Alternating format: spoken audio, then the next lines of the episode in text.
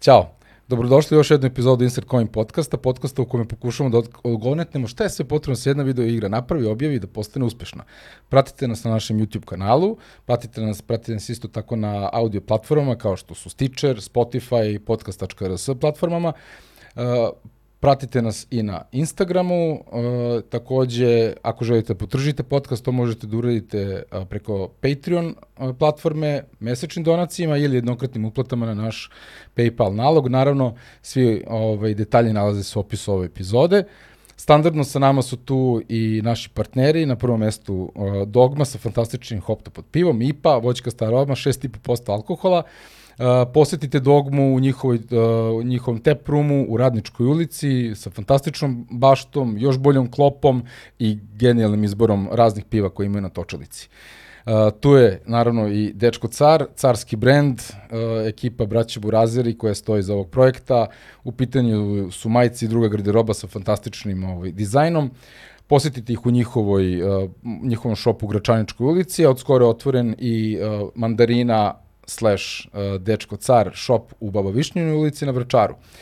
Uh, Dečko Car je takođe za slušaoce Insert Coina obezbedio 10% popusta na sve online kupovine na njihovom sajtu www.dečkocar.com, a promo kod je InsertCoin10. Naravno, svi opisi su takođe, svi detalji su u opisu ove epizode. I naravno, to je Nitea, uh, naš partner koji je distributer Herman Miller programa kancelarijskih stolica, zaista vrhunske uh, stolice sa nevjerovatno dobrom ergonomijom, idealna za, idealno za sve ljude koji dugo sede za računarom. Mi danas sedimo na fantastičnom Aeron modelu koji je generalno leg, legendarni, jedan od najboljih, ako ne i najbolja radna stolica. Uh, posetite ih u njihovom izlož, izložbenom salonu, posetite ih na njihovom web sajtu nitea.rs. Za dugo sedenje je jako bitno da imate dobru potporu za vaše leđe. Tako da, uživajte.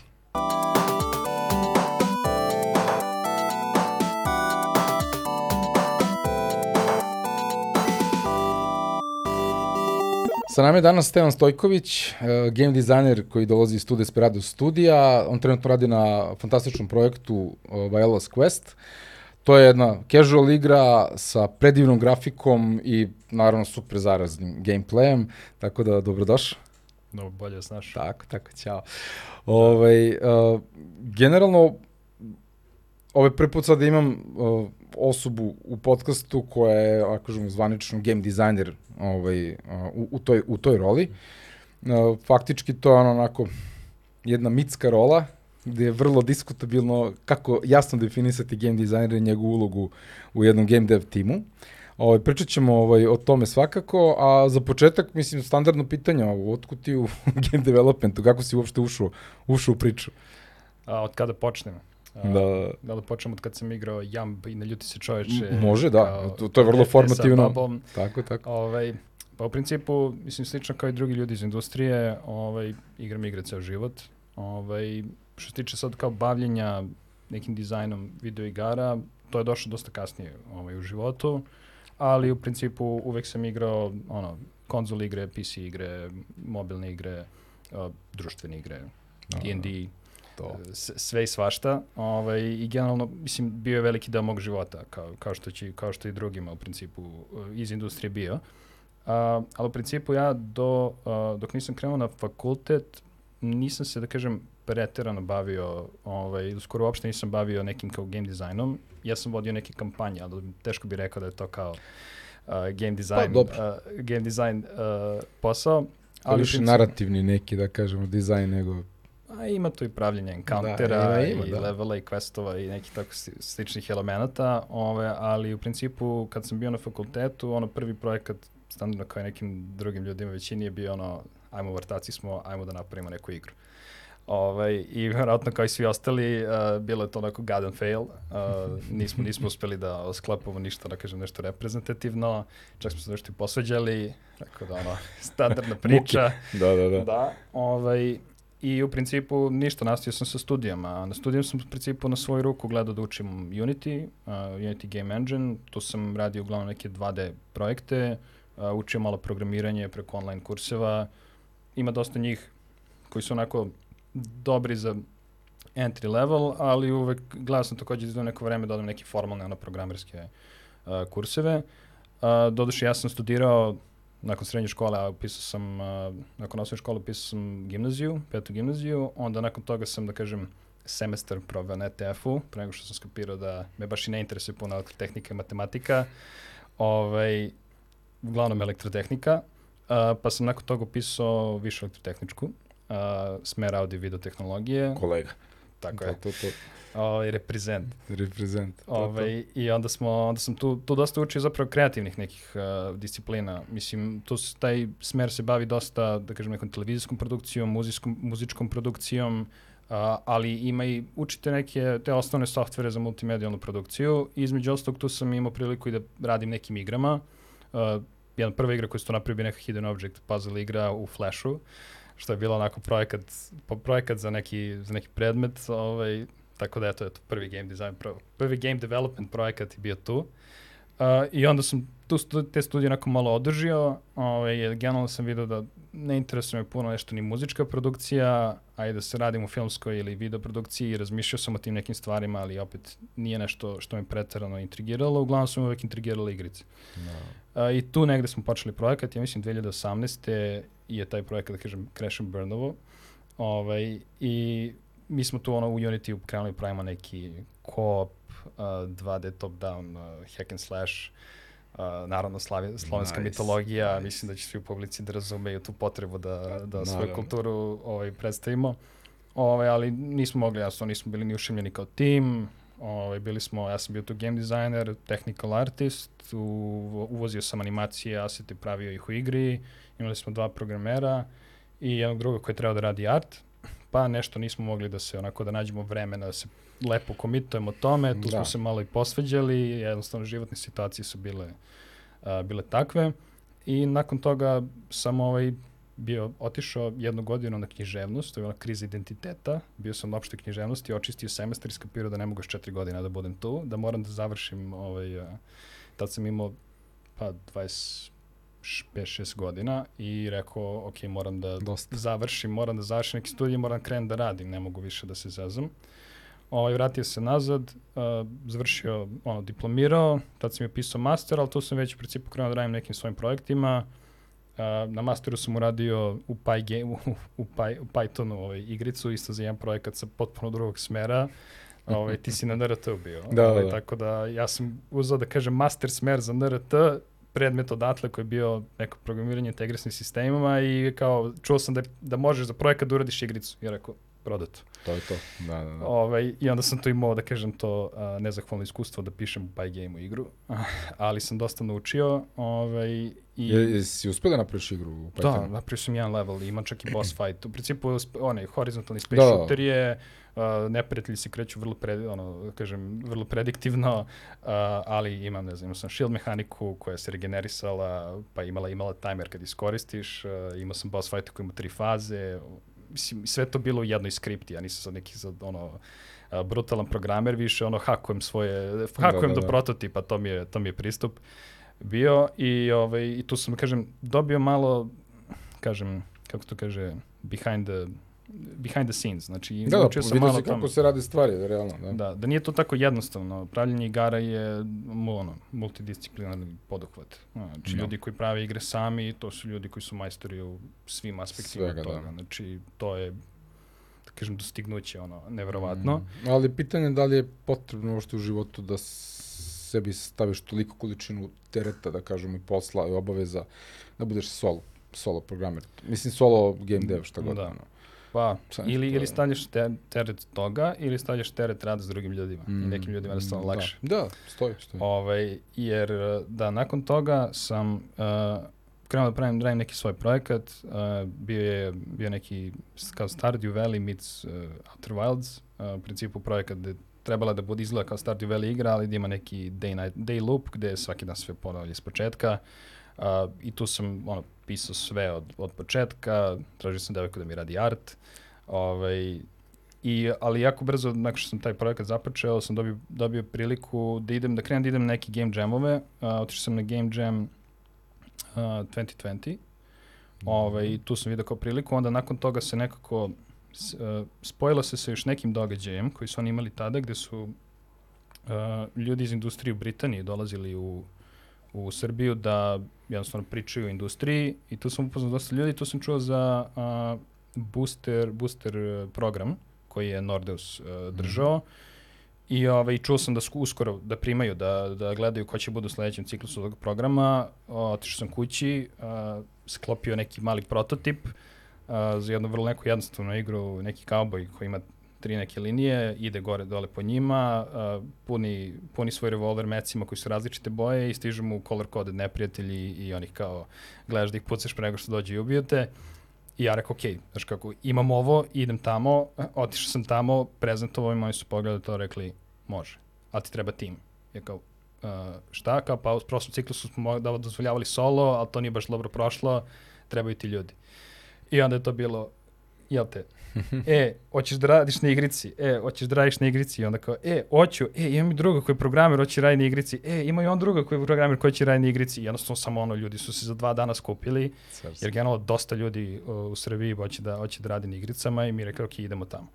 I tamo I sam... Koliko si bilo u timu? Na kraju četvoro? bilo uh, 1, 2, 3, 4, mislim petoro ili šestoro na kraju.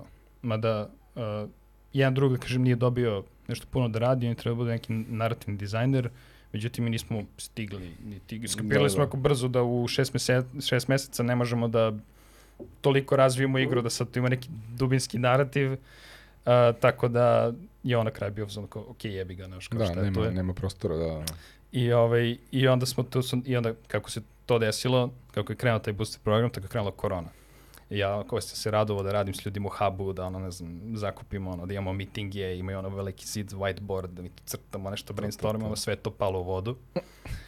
A, tako da kao i ostatak sveta smo se prilagođavali na, na taj kao remote work, radili svi od kuće i ovaj, I u principu ono, tu sam dobio, tu sam se takođe okusio, u, tu sam bio u ulozi game designera, slash technical artista, slash project managera, uh, jer su oni, oni su tražili da neko bude project manager, da neko vodi roadmapove, da neko planira taskove i da imamo svaki mesec, da kažem, neku vrstu uh, provere, progresa, jer su oni u principu nudili pomoć mentorstva i svakih nekih stvari. No. Što je bilo jako dobro s njihove strane, nudili su i opremu generalno, mislim da je taj booster program baš super. Uh, Uh, I ovaj, mi smo za tih šest, mes, šest meseca ovaj, uspeli da napravimo neki kao mali, mali prototip, level, dosta tu grešaka je napravljeno i tehnički sam bio neku ruku art direktor, ja sam vrlo skapirao da ne treba to da budem, da, da sam ja ovaj, principu dao artistima slobodu da oni to interpretiraju Aha. kako su hteli i verovatno bi ispalo bolje. Moja logika je bila pixel art će da bude lagan, da se napravi, koliko je to pogrešno, nevro, to je nevjerovatna koncepcija, znači kada su oni odredili rezoluciju i kad su videli kako napraviti animacije da budu dobre, to je bilo ne znam, saznao sam da postoji sub pixel animacija, tako da, znaš, ono, okay, to, su, to su neke, neki mnogo, mnogo ludi pojmovi. I, ovaj, I na kraju u principu uspeli smo napravimo taj neki jedan nivo, imali smo nešto, ali da, dva ili tri, tri vrste neprijatelja, su čekali dva oružja, smo ubacili tu igru, ima si kao i šotku koja imala, imala kao koja je nešto mnogo čudno radila, na kraju nismo upeglali taj dizajn uh, kako treba, ali završili smo prototip, testirali, ne znam, postavili ničio, ne znam, 300, 300-600 ljudi, tako nešto nam je videlo to, pošto to je sve organizovao Nordeus. I kako, kad se to završilo, uh, da, e onda sam bio za ono vreme da krenem da tražim posao u industriji. Koja je to I, godina? To znači 2020? 20. Ja mislim da. je 2020. na 20 prvu, ako se mm. dobro, ako, da, ako dobro sećam. I, ovaj, mm. i sad, ok, rewind time. Da. Uh, kako sam ja, uh, valjda 2019. sam ja zapravo bio aplicirao kao na, u Madhead Gamesu. Hteo sam tamo da, da radim. Ovaj, imao sam neki prijatelje tamo koji su uspeli mi pomognu da stupim u kontakt s ljudima, da pošaljem CV. I u principu bila je pozicija game dizajnera koja je bila popunjena neposredno pre nego što sam ja poslao CV. I ovaj, ja sam poslao CV, poslao neki svoj portfolio stvari koje sam radio, oni su to pogledali i rekli, ok, kao nemamo game designer ulogu, ali to će da popričamo. Ja sam otišao tamo, popričao sa njima, uh, oni su rekli kao, ok, spremit ćemo ti, kao, i, i takođe za taj portfolio što sam uradio, uh, pošto sam vidio da oni radi Hidden Object Puzzle igre, uh, i ja sam uzeo neku scenu uh, uzeo sam sa, sa interneta skinu sliku i, ovaj, i uzeo izanimirao tu sliku kao hidden object scena da bude ono, iseko vrata, otvorio mm. i bio neki mm. vodopad, ja sam ga napravio da izgleda kao da teče, ubacio neke light reve, stavio da se, ono, travica onako da se, da se njiše. Ja, ja, ja sam postao, jer sam vidio ostale stvari koje su imao u portfoliju su bile neke iz videoprodukcije uh, i animacije s koje sam radio za neki ono, od špice i tako to. Uh, što sam imao projekta na faksu i rekao kako je da ga malo bogatim i rekao ok, ovo je u njihovom domenu, napravit ću to. I oni su bili ono kao ovo je do jaja, sad ćeš da kao da radiš test. I onda sam joj radio taj test, onda sam im poslao test. Test je bio neke animacije i tako nešto, neke stvari. Pa su onda meni poslali feedback, kao, on je baš najbolje, aj uradi ovo. I onda sam ja njima poslao ponovo, skorigovan test. I napisao sam im rezon, bio sam ono, ok, razumem, evo sad ću pravamo ovo, sad ću pravamo ovo. I, ovaj, otišao na intervju sa te kartom, pošto su oni rekli, mislim da za te karte zapravo ti, ti možeš dobro da radiš. On je rekao, u principu, kao vidim da si početnik, ali vidim da možeš da naučiš, ništa od ovoga nije, ono, nemoguće da se nauči. No. Uh, vidim da ti interesuje, da si do, da ono kao ima, imaš potencijala. Ja, on, on je rekao kao ja sam ok, s tobom. I onda su oni rekli, e, Nažalost, ne možemo sada ti ponuditi poziciju, javljamo ti se za nekih mesec dana, zato što su oni tada imali pagan online projekat. Da, da, to je ludilo bilo. Da. I, ovaj, I onda su kao rekli, ok, javit ćemo ti, imamo launch, ne znam, za, ne znam, tri nedelje i kao, aj vidimo kako će da prođe. I onda to nije baš prošlo najbolje i oni nisu baš bili u poziciji me zaposle, pa sam ja onda krenuo da radim ove neke druge stvari, ono, leteo ove, ove druge programe. I, I kako sam ja izašao iz tog booster programa, rekao, ok, aj sad ću da šaljem CV-eve i poslu Nordeus, poslu Tu Desperados, jer je Tu Desperados tada imao poziciju game designera otvorenu. Ja sam bukvalno, kako sam poslao te CV-e, tako mi email, email stiglo od Madhead Gamesa kao, e, e, hoćeš da radiš kod nas. Ne kao intervju, nego kao, e, bio si kod nas pre godinu dana, hoćeš da dođeš da radiš. I ja kao, da, hoću posao, kao traži posao, kao nema, znaš, ono, ne znam da će ovo prođe. I, ovaj, I to dok sam radio tamo, ja sam intervjuo se za poziciju game designera u Tu Desperadosu. I sad, u, ja nisam imao iskustva s pravljanjem mobilnih igrica, ovaj, ali jesam slušao kurseve i generalno bio zainteresovan i za taj aspekt gaminga, kako radi business model, kako rade te igrice, kako se one prave, koje je no, ciljno tržište, znao sam neke stvari o tome. I u principu u intervju sa Tu Desperadosom ja sam dobio njihov zadatak, bio je u principu dekonstrukcija ove igre na kojoj sad radim. Uh, ne mora nužno znači da će drugi dobiti isti taj uh, zadatak, mislim da oni biraju na osnovu nekih kriterijuma u tom trenutku. Da, da, šta je, šta je mi potrebno, da. Da, i, ovaj, i ja sam onda uradio dekonstrukciju te igre. Zapravo bio sam i na nekim radionicama pre toga u Nordeusu bio neki program, radili smo dekonstrukciju Richara, to sam isto zaboravio da, da pomenem. Generalno tražite ljudi to, to, to, to, te prilike. Da, jer ovo je ovaj, jako, jako dobra priča koja pokazuje da. put jednog mladog čoveka koji je fresh sa studija, koji je na studijama da. već nešto krenuo da radi i kako si faktički ušao u industriju. Nije lako, nije tek tako. Da, i da. ima, ima valjda zvao se Deconstructor Club, je tako nešto da, bilo? I valjda u booster programu je to bilo isto nama govoreno, ali mogo je svako da dođe tu. I u principu dobiješ kao neku vrstu domaćeg, dobiješ igricu, mi smo valjda Mario Kart, oni što izašao za mobilni. Mm -hmm to smo dobili dekonstruišemo. Šta znači da dekonstrukcija igre a, u tom smislu? A, dekonstrukcija igre je u principu a, analiza. Znači, Aha, analiza, okej, okay, da, okay, da. A, analiza, Mehanike, progresija. Jeste i to, doduše se nekim dizajn pitanjima postavljenim. U smislu, pitaš se zašto su oni uradili neke stvari, zašto mm je progresija baš ovakva, zašto je gameplay baš ovako, zašto, uh, zašto su napravili uh, kako da kažem, ne zašto su odlučili baš za, za ovu mehaniku, zašto, zašto imaju ovakvu vrstu matchmakinga ili tako nešto. Uh, I ti u principu onda kreneš da rašaniš igru i, ne, i rašaniš i ne samo na gameplay, to je samo jedan deo toga, drugi onda možeš ideš na meta layer, kao mm -hmm. zašto je meta, što, što, kako te nagrađuje, pa onda mm -hmm. uzmeš ekonomiju igre da vidiš kako ona funkcioniše, bilo da je in-game ekonomija neki uh, resursi koji su za ne znam, izgradnju ili progres, bilo da je ono real world ekonomija, kako monetizuju svoju igru, uh, na koje sve načine, uh, gde sve plasiraju, da kažem, neke vrste ponude i kakve vrste ponuda plasiraju. I, I na taj način ti u principu trebaš da postaviš sve pitanja i da postaviš neku vrstu hipoteza zašto je neko nešto radio, ko, ka, mm. sa koje strane, na koji način to igračima čini igru primamljivijom, zabavnijom uh, ili čak i ono više adiktivnom. Šta je tu što zapravo te drži u igri nakon određenog vremena. Da. I na taj način ti kao dizajner u principu učiš o tome. Jer na kraju krajeva to su ista pitanja koje ćeš ti na svom projektu morati da odgovoriš. Uh, kada budeš, da. ka, ali kad staneš pred ne znam, uh, beli, ono, belu tablu i kažeš, ok, sad hoću napravim neku mehaniku ili nešto, moraš uvijek da se zapitaš zašto ta mehanika, šta ona mhm. tačno doprinosi igri. Nekad odgovori su jednostavni, nekad su komplikovani a nekad čak moraš da prihvatiš činjenicu da ta mehanika nije za tvoju igru. Da. Ako ne možeš da odgovoriš na to pitanje dobro. I to je jako dobra pouka. Da, iste analize, da.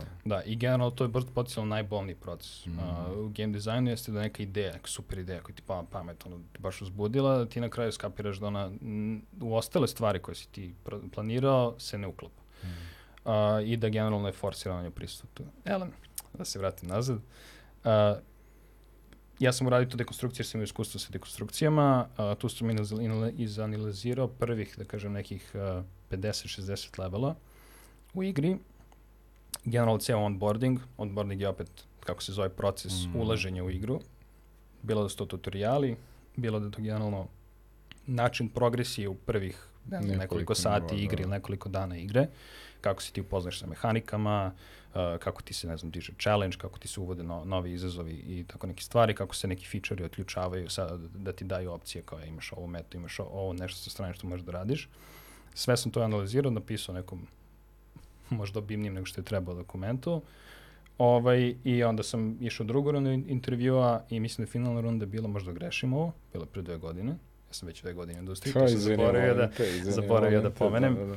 a ovaj je bilo sa uh, product ownerom uh, na, na Violi, znači on došao sam prodao sam kako vodi proizvod i u fazonu, oh, iskritikovao sam 50 stvari, razumeš, u, u, o- ovoj prezentaciji i sada kao treba da pričam o tome, znaš. A, Challenge accepted. Da, i u principu taj, taj odgovor je baš bio to. Zašto si napisao ovo? Zašto si rekao ovo? Šta, kao šta si mislio pod ovim? Mm. I ja sam dao svoj odgovor na ta pitanja i ovaj, dobio sam posao. Da, da. Ovaj, I onda sam počeo da kažem da radim u tu Desperadosu i u principu ovo mi je prvo iskustvo, da kažem, na poziciji game dizajnera i takođe prvo iskustvo u mobilnoj uh, industriji. Mm. I ja sam tokom ja, svoje karijere uh, naučio da mobilna, uh, mobilna industrija zverka za sebe. Jel te? Da, jeste, ne, to je skroz drugi biznis model, skroz druga vrsta mehanike, igrača, psihologije, da, niđe veze sa PC i konzolnim gamingom, ovaj, ali meni se sviđaju, mobilne igre rade na mnogo višem nivou psihologije nego što rade to PC igre, jer o, one moraju iz tebe da izvuku tu želju da igraš i želju da finansiraš svoje igranje. Non stop. Razumem što će kažeš, ali ne bi se složio, zato što mislim da fundamentalno uh, i PC igre te manipulišu uh, psih, psihološkom nivou. Samo oni to rade sa Apsolutno. drugim ciljem. Ja ovo kažem, samo hoću da, Da. kažem da, da mobilne igre možda, možda, možda grešim, pazim, znači Mhm. challenge uvek. Ovaj, mislim da samo dublje uh, radi, jer on mora da iz, izluči iz tebe non stop neki monetizacioni element, Mhm. ali a, dok to rade, moraju da ti pruži satisfakciju igranja da bi ti želeo da investiraš svoje vreme i novac u tu igru. I ako si Da. ti nagrađen dobrim gameplayom i, ne znam, lakšom Mhm. progresijom ili čime god, kroz plaćanje toga, fair game.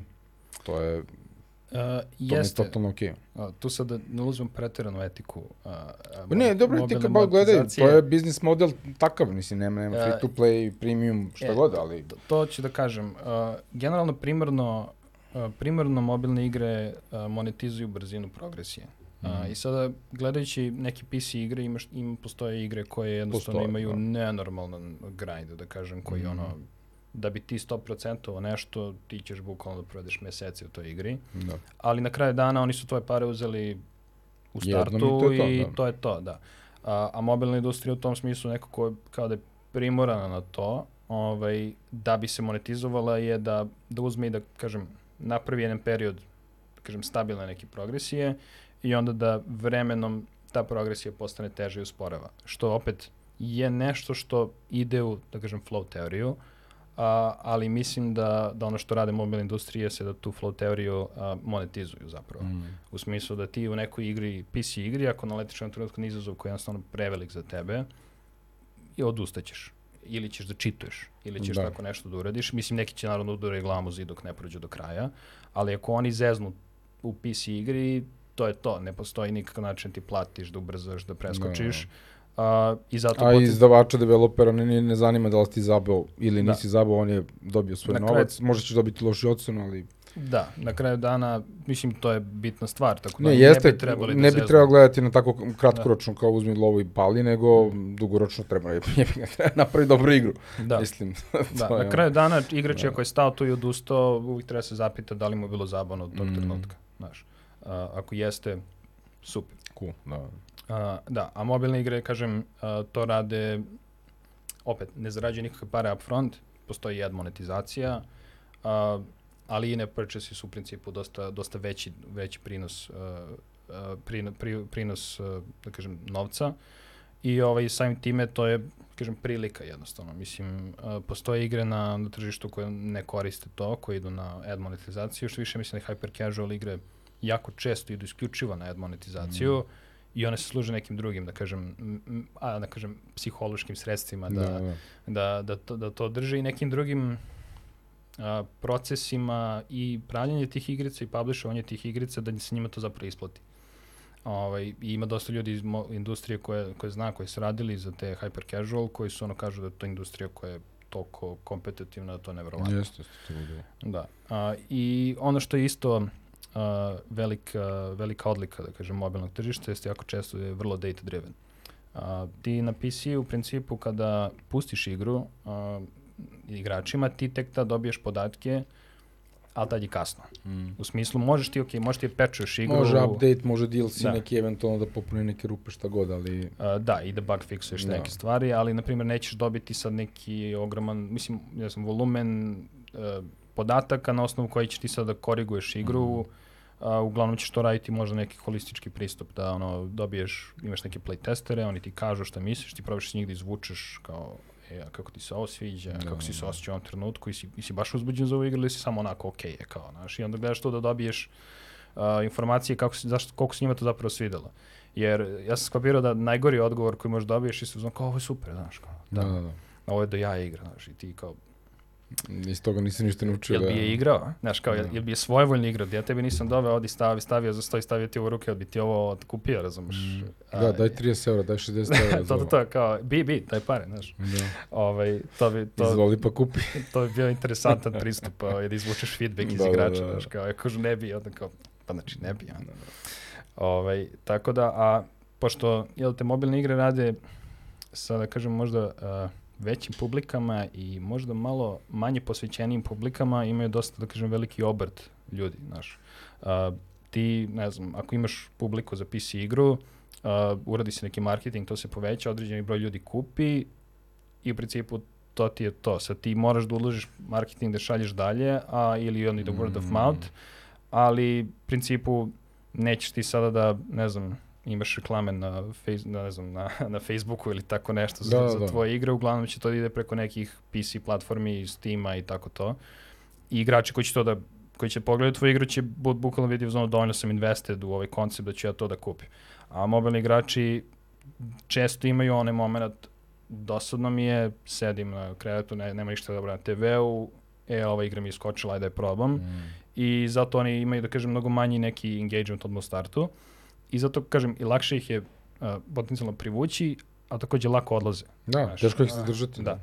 I onda ti takođe možeš dobiješ dosta obrta i to ti sve time daje, daje neku priliku da ti optimizuješ svoj proces zadržavanja ljudi u igri. Onda ti, onda te to gura nekako kroz podatke da ti ubacuješ stvari u, na početku, da, da budeš u fazonu, da, da baš onako nenormalno poštoješ vreme i pažnju. Mm -hmm. U fazonu koja imam 5 sekundi tvoje pažnje i u tih 5 sekundi mora da te oduševim dok ne znam, PC igraju u fazonu gdje ti anticipaciju, ti izdao pare i sad imaš ono uh, naslov igre, pa opening trailer, pa ovo, Naziv pa engine ono. Neke da, koke, znaš, sve. Ono, da. kao, kao mi to u fazonu, što pre, vrat, mm. znaš ti uđeš, ja mislim da je jedan, uh, neko predavanje čuo sam te kao time to fun, kao u fazonu da je jedan lik da, da. sedeo, developer rekao kao, uzmem svoju igru i ono, u glavi merim u trenutku kad sam ostio zabavu. I kao, mm. krenem da igram igru, krenem da igram igru i u fazonu je, ako je taj ako je to vreme ispod 30 sekundi, nešto loše radim. Da, da, da, da. Kao previše je to, naš, ono, za, za mobilno tržište. A, tako da, tako da ne znam kako smo ušli o temu. Interesantna tema svakako. Pa ne, došli smo od toga zato što pričali smo o, kao o priroda mobilnih igara. Mhm. -huh. Jer koliko je drugačije od, od PC gaminga i o, kako je data driven pristup jako mhm. -huh. bitan za, za taj fine tuning već jedne žive igre koja, da. Koja ti vraća ti nazad gomilu feedbacka u obliku podataka koje ti možeš da meriš i onda da krojiš svoju igru da bukvalno ono, odvrćeš i zavrćeš da bi dobio željeni, željeni ishod. Jel? Da. Ove engagementa i samog igrača i koliko je koliko je realno teško zadržati igrača od Da. momenta kada on instalira i pokrenu igru. A, i, I tu zapravo a, kao, kao dizajner a, ovaj, mobilnih igara, a, game dizajner, a, tu trebaš da imaš tu neku odgovornost, zato što podaci često umeju da ukazuju neke vrlo čudne stvari. A, i, I da onda ti u principu uvek držiš u glavi iskustvo igrača i da nekako ne dozvoliš podacima da preuzmu kontrolu. A, jer ne znam, neko kaže, ok, uh, lupam, ubacili smo ovaj offer u igru uh, i sad ne znam, skočila je konverzija, nešto kao nenormalno i u fazonu si kao super i onda skapiraš da ljudi ne igraju tvoju igru dalje od 100 levela jer im je to potpuno napravilo igru trivialnom, na primjer. Da. Znaš, skupili su offer koji im je samo rešio igru i onda su bili zonu, a ovo je onako kao, znaš, kao, u fazonu rešio sam je i, i to je to. Ili, ne znam, uh, napraviš i nevo, nivo toliko teškim i onda kao vidiš, u, brate, mi skočila monetizacija, kao super, ljudi se konvertuju i onda skapiraš da nemaš više ljudi u igri, razumeš, zato što, što 90% ljudi na tom levelu samo odustane i onda kao, ok, ajde, ajde, ajde ovako, ajde smirimo malo, znaš, kao loptu, Da. ovo mora bude, ovo mora bude bolje, znaš. Jer, uh, kao jednostavno, ok, ljudi monetizuju se iz frustracije, neki ljudi se monetizuju iz navike, ima, ima dosta ljudi koji jednostavno gledaju na trošenje novca u igri kao normalnu stvar, u smislu kao, Da. zašto, kao, kao znamo, ti sudiš mene što trošim, ne znam, 50 dolara u igri, a ti si kupio, ne znam, za 60 dolara igru koja je izašla nezavršena. Da, da, da, da, da, realno, realno, da. Ovaj, jednostavno, to je to, koju ulogu te igre igraju ljudima u životima i koliko su oni voljni da kažem da to, da ulože novca u to, u principu to je na nivou ono, osobe, znaš. Mislim, ono kao, ja sam kupio brde igara, on, hvala Da. Bogu za Srbiju i pirating scenu, nisam morao toliko puno, ali Tako, tako, zamislio da. sam, bio, sam bio negde, sa s trenutnim finansijskim stanjem negde u Evropi gde je to ilegalno, prosto možda ne bi bio u gamingu uopšte. Da, da, da, da, da, da, da, da. Da, da, realno, realno. Da. Jer mi smo ovde bili izloženi svim, znači bukvalno si mogu biraš koju ćeš igru da igraš i da dobiješ tu neku širinu, da probaš sve živo. Ovo, ja, kad mora se plaća, um, postoji tačka kada ti možeš da platiš sebi igru koju hoćeš kada hoćeš, a to je kad kreneš da zarađuješ novac, Da. a to je već dosta, Dosta kasno. da. Da, to je... Da, moje prvo iskustvo sa uh, War, World of Warcraftom je bilo uh, uh, onaj video klub uh, narezan na CD i ono kao odneo kući, kreo da igram i uz Human Warriora napravio, jer mislim to je bila jedina klasa koja je bila dostupna i kako sam izašao iz onog Duskwoda, tako više nije bilo kontenta u igri. Znači, nema mobova, nema ničega, znači, samo da, prazno. Da, da, da, da, da realno. Kao, šta sam ja kupio, znaš. Da, da, da. A, ali da, imali smo, imali smo da kažem, tu, tu privilegiju. I sad ono, ono što, sam, što si pomenuo ranije za, da kažem, tu kao psihološki faktor, ovaj, baš sam, baš sam gledao predavanje jedno uh, kao one more turn moment. Mm. -hmm. Sad ne znam, da, to si vjerojatno iskusio igrajući igre, da imaš onaj kao, a još jedan potez, imaš heroje, kao još jedan dan, kao dobro, Da, da, da. znaš, i tako neke stvari. I baš se pričao o tome kao psihološki efekt toga. Uh, I sada ima dosta, ima igara naravno na mobilnom tržištu sigurno koje nekako to monetizuju, ali vrati gledam, ne znam, civilizacija meni uzela sne, ono, uh, kako da kažem, uh, sate spavanja. Da, Znaš, da, da, da. Tako što sam ja sedao i nisam mogao da ustanem dok nije bilo pet ujutro i ja sam završio igru i kao šta se desilo, Da, razumiješ? da, da, da, da. Uh, I ovaj, i inače, razlog za to napominju takozvani, ajde se zove Zeigarnik efekt. Mhm. A, to je fenomen da su testirali na konobarima kojih narudžbina koje su oni uradili se sećaju najviše. I ustanovili se sećaju narudžbina koje nisu završili. Znači, narudžbina koju sam ja kompletirao, kao u smislu doneo na 100 i to je to, to više ne razmišljam Ide o u tome. destroy step. Ali gde sam negde nešto zaboravio ili neko mi je dodao još nešto ili sam nešto pogrešno radio, te narudžbine ostanu do kraja dana, u smislu u sećanju. Mhm. Ovaj, I onda generalno te igre to rade. One te teraju konstantno. Na svakom krugu ti započneš nešto što je u toku i onda kada završiš krug ti znaš da u sledećem krugu ti nešto stiže. I ti onda kad to stigne započneš nešto drugo. I bukvalno te samo te vuku iz poteza u potez i što, pošto to civ igre, na primjer, rade, ono, to sve više stvari ima, znaš, i onda sve više i više imaš obaveza i potez ti traje sve duže i duže. Ti onda kao još jedan potez, a zapravo prvi potez ti traje 5 minuta, a 60. potez ti traje sat vremena ti Da, to da, i ne da, zavališ. Zato što konstantno nešto radiš i već si ušemljen i, i onda kao kao, kao da Da, što, fazon, ko me- ovo ću sad na brzaka da rešim, da. Da, ko, ko, ko koga manipuliše tu, razumeš? Da, da, da. Isto, na primjer, Stardew Valley. Stardew Valley ima onaj dnevni ciklus i onda ti kaže zasadi biljku. I onda ti skapiraš da ako zastiš biljku moraš svaki dan da, da sipaš vodu. I onda manje više kad si sipa vodu svaki dan, u fazonu si, ma ajde doradim još jedan dan, razumeš? I isto tako, ali izgubiš 5-6 sati. Tako da kažem, postoji, znači, igre generalno su sistemi ovaj, koji pre tebe stavljaju neke veštačke, znaš, ono, prepreke i ti ih rešavaš s nekim smislenim ishodom, da, da pobediš, da, da izgubiš, ovaj, da rešiš neki problem, da rešiš tu prepreku i, ovaj, i ultimativno oni te manipulišu u zabavu. To je neka kao generalna ideja. Da. A, I koriste, da kažem te, neke naše usađene, usađene psihološke da kažem, probleme, ali Pa dobro, da, mehanizme na Da. koji su svima urođene, mislim, tu. da, to koji rade na nama. Mislim, Mhm. ono, kockanje je jedan od glavnih primjera, Mhm. mislim, znaš kao, ne znam kako niko nije, znaš kao dođe ti kažeš ti igraš te igrice, ti si klinac, razumeš, kao vrati, ti si kockar, kockar, ti Da. bacaš kockice na stolu i u fazonu si, znaš, kao, misliš da je to nešto bolje. Da. ali kockanje je zapravo vrlo ono, uh, ide na dosta nekih naših mana, kako mi percipiramo stvari, Mhm. kako mi razumemo statistiku, uh, da, te, da ti emotivno manipulišu, da ti probaš još jednom, da, Da, da. probaš da povratiš stvari.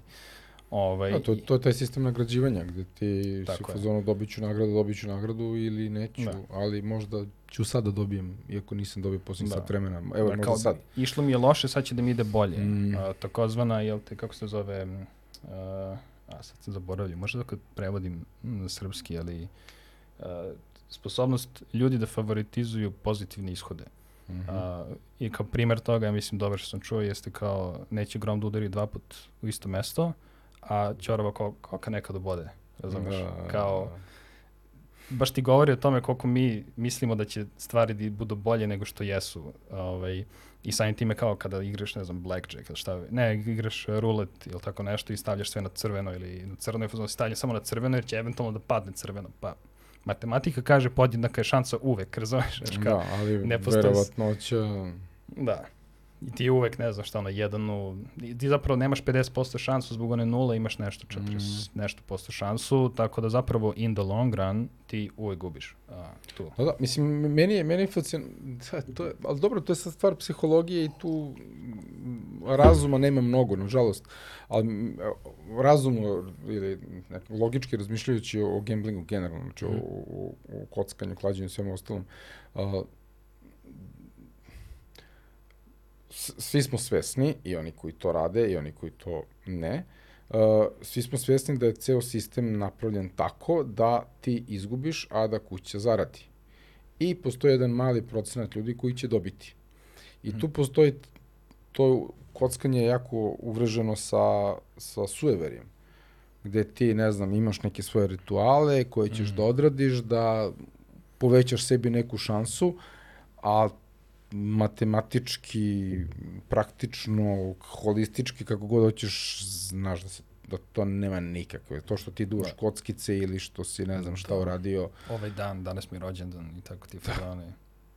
jer totalno nema veze ni sa čim, osim sa time u kom si momentu, momentu ti ušao u igru i gde stoji taj algoritam u tom momentu i možda ćeš zaista u prvom. Meni se Da. desilo da, da ja sam igrao neki jackpot uh, na aerodromu, sestra se vraćala nešto, nešto iz Amerike, tu smo sad bili na, nas trojica, rođaci, mm dečko njena. I ovaj jedan imao uh, žeton Mm. za blackjack, zato što je bio pre ne, nekoliko meseci tu opet nekog jacka i onda neko kupio, onda su oni, njemu ostaje jedan žeton. Kao je ubacimo žeton. I ima tri slot mašine, nas smo trojica. I ovaj ubacio jedan i dobije tri komade čovječ iz prve. I svakome od nas... Uzmi to i beži. To je to. Da, e, svakome od nas da, znači, sad imamo svi po jedan. Ja ubacim, izgubim. Uh, onda ovaj drugi ubaci, izgubi, ovaj ubaci, dobije tri komada, opet podelimo. Onda ja ubacim, dobijem deset. Podelimo to. Sad imamo svako, ne znam, po tri. A. Ubacujemo, ubacujemo, ubacujemo, oni izgube, jedan izgubi, drugi izgubi, me ostalo možda još tri komada, ubacim jackpot. I samo ako krene da mi flash, pazi, u tom momentu imam, to je 97. godina, znači ja imam 9, ne, ne, nije 97, 80 i neka bilo. Tipa imao sam 15-16 godina, plus minus, mm. ne, ne mogu setiti možda, tu negde. Ne, ne znam više ni koje su godine, ali onako Mm, bio sam ispod Da. 15 godina, nebitno. Bio sam u fazonu, ne mogu ja da raspoložim s novcem ako ga dobijem. To Da. hoće kao nije da, da sam bio sad neki tinežer pa mogu, ej sad ovo izmeno piće, ne znam, nego Igraš se. Klinac sam, razumeš, i meni uopšte nije ni, uopšte svest nemam da ja tu mogu da dobijem, niti, ja, ja dobijem. I to sam dobio, to je neka protivrednost Lupiću, sad možda 300 evra, 400 evra. Znači, to je, brate, samo Mm. krenulo da ispada i krenulo da se puni ona ćasa Da. dole i onda je krenulo da se preliva i da pada dole, ja to da hvatam. Znači, ne, ne, jer ja, ja sam kliknuo Da. ono payout. Taj kačing moment gde si u fazonu, toliko te overwhelmuje, znaš, ono kao, pogledaj šta si sve dobio, brate. Tako jebote, i onda, i onda sad tu prilazi lik neki donosi, pošto kao kad Da, kupiš više čaše, da. žetona, dobiš one plastične čaše i sad mi krećemo da, da ubacujemo, to je napunili smo nekoliko tih čaša i jer ja sam, kad je krenuo, kad sam vidio da sam dobio to, krenuo da zvone, vidim sad tamo, ne znam, zaboravio sam neki, piše broj Mm. koliko sam žetona dobio i flešuje za isplatu i ja pritisnem i krene da, da curi i onda sam to unovčio i dobio sam tih lupiću sad 300, 400, 500 evra, znači znam da je bila neka večera, su Bio bile neke srećan patike, dan. neverovatno, ovaj, srećem, hvala Bogu, to iskustvo me nije, nije men, Da. je nije mi dalo krila da poverujem u to da je to realno, da se to tako stalno dešava. Da. Ali mene je da prosto šusrlo, jer sam došao u momentu gde je algoritam bio namešten Da. tako da, evo, sad u narednih 10 partija će neko da dobije. Da, u I- principu, kad se pogleda ogroman broj ljudi, to što kažeš, neko će da pobedi. Da. A, I ovaj, i u principu ti si bio taj. Mislim, i to su realno isfinansirali svi ovi koji su izgubili. Tako je, To tako je, tako je. Mislim, I kuća je još zaradila na tom ekstra, da. poslu, da. Ovaj, Tako da, znaš, o, o, ništa ja nisam uradio. Mm, Algoritam je sve uradio i o, Da. bilo bi...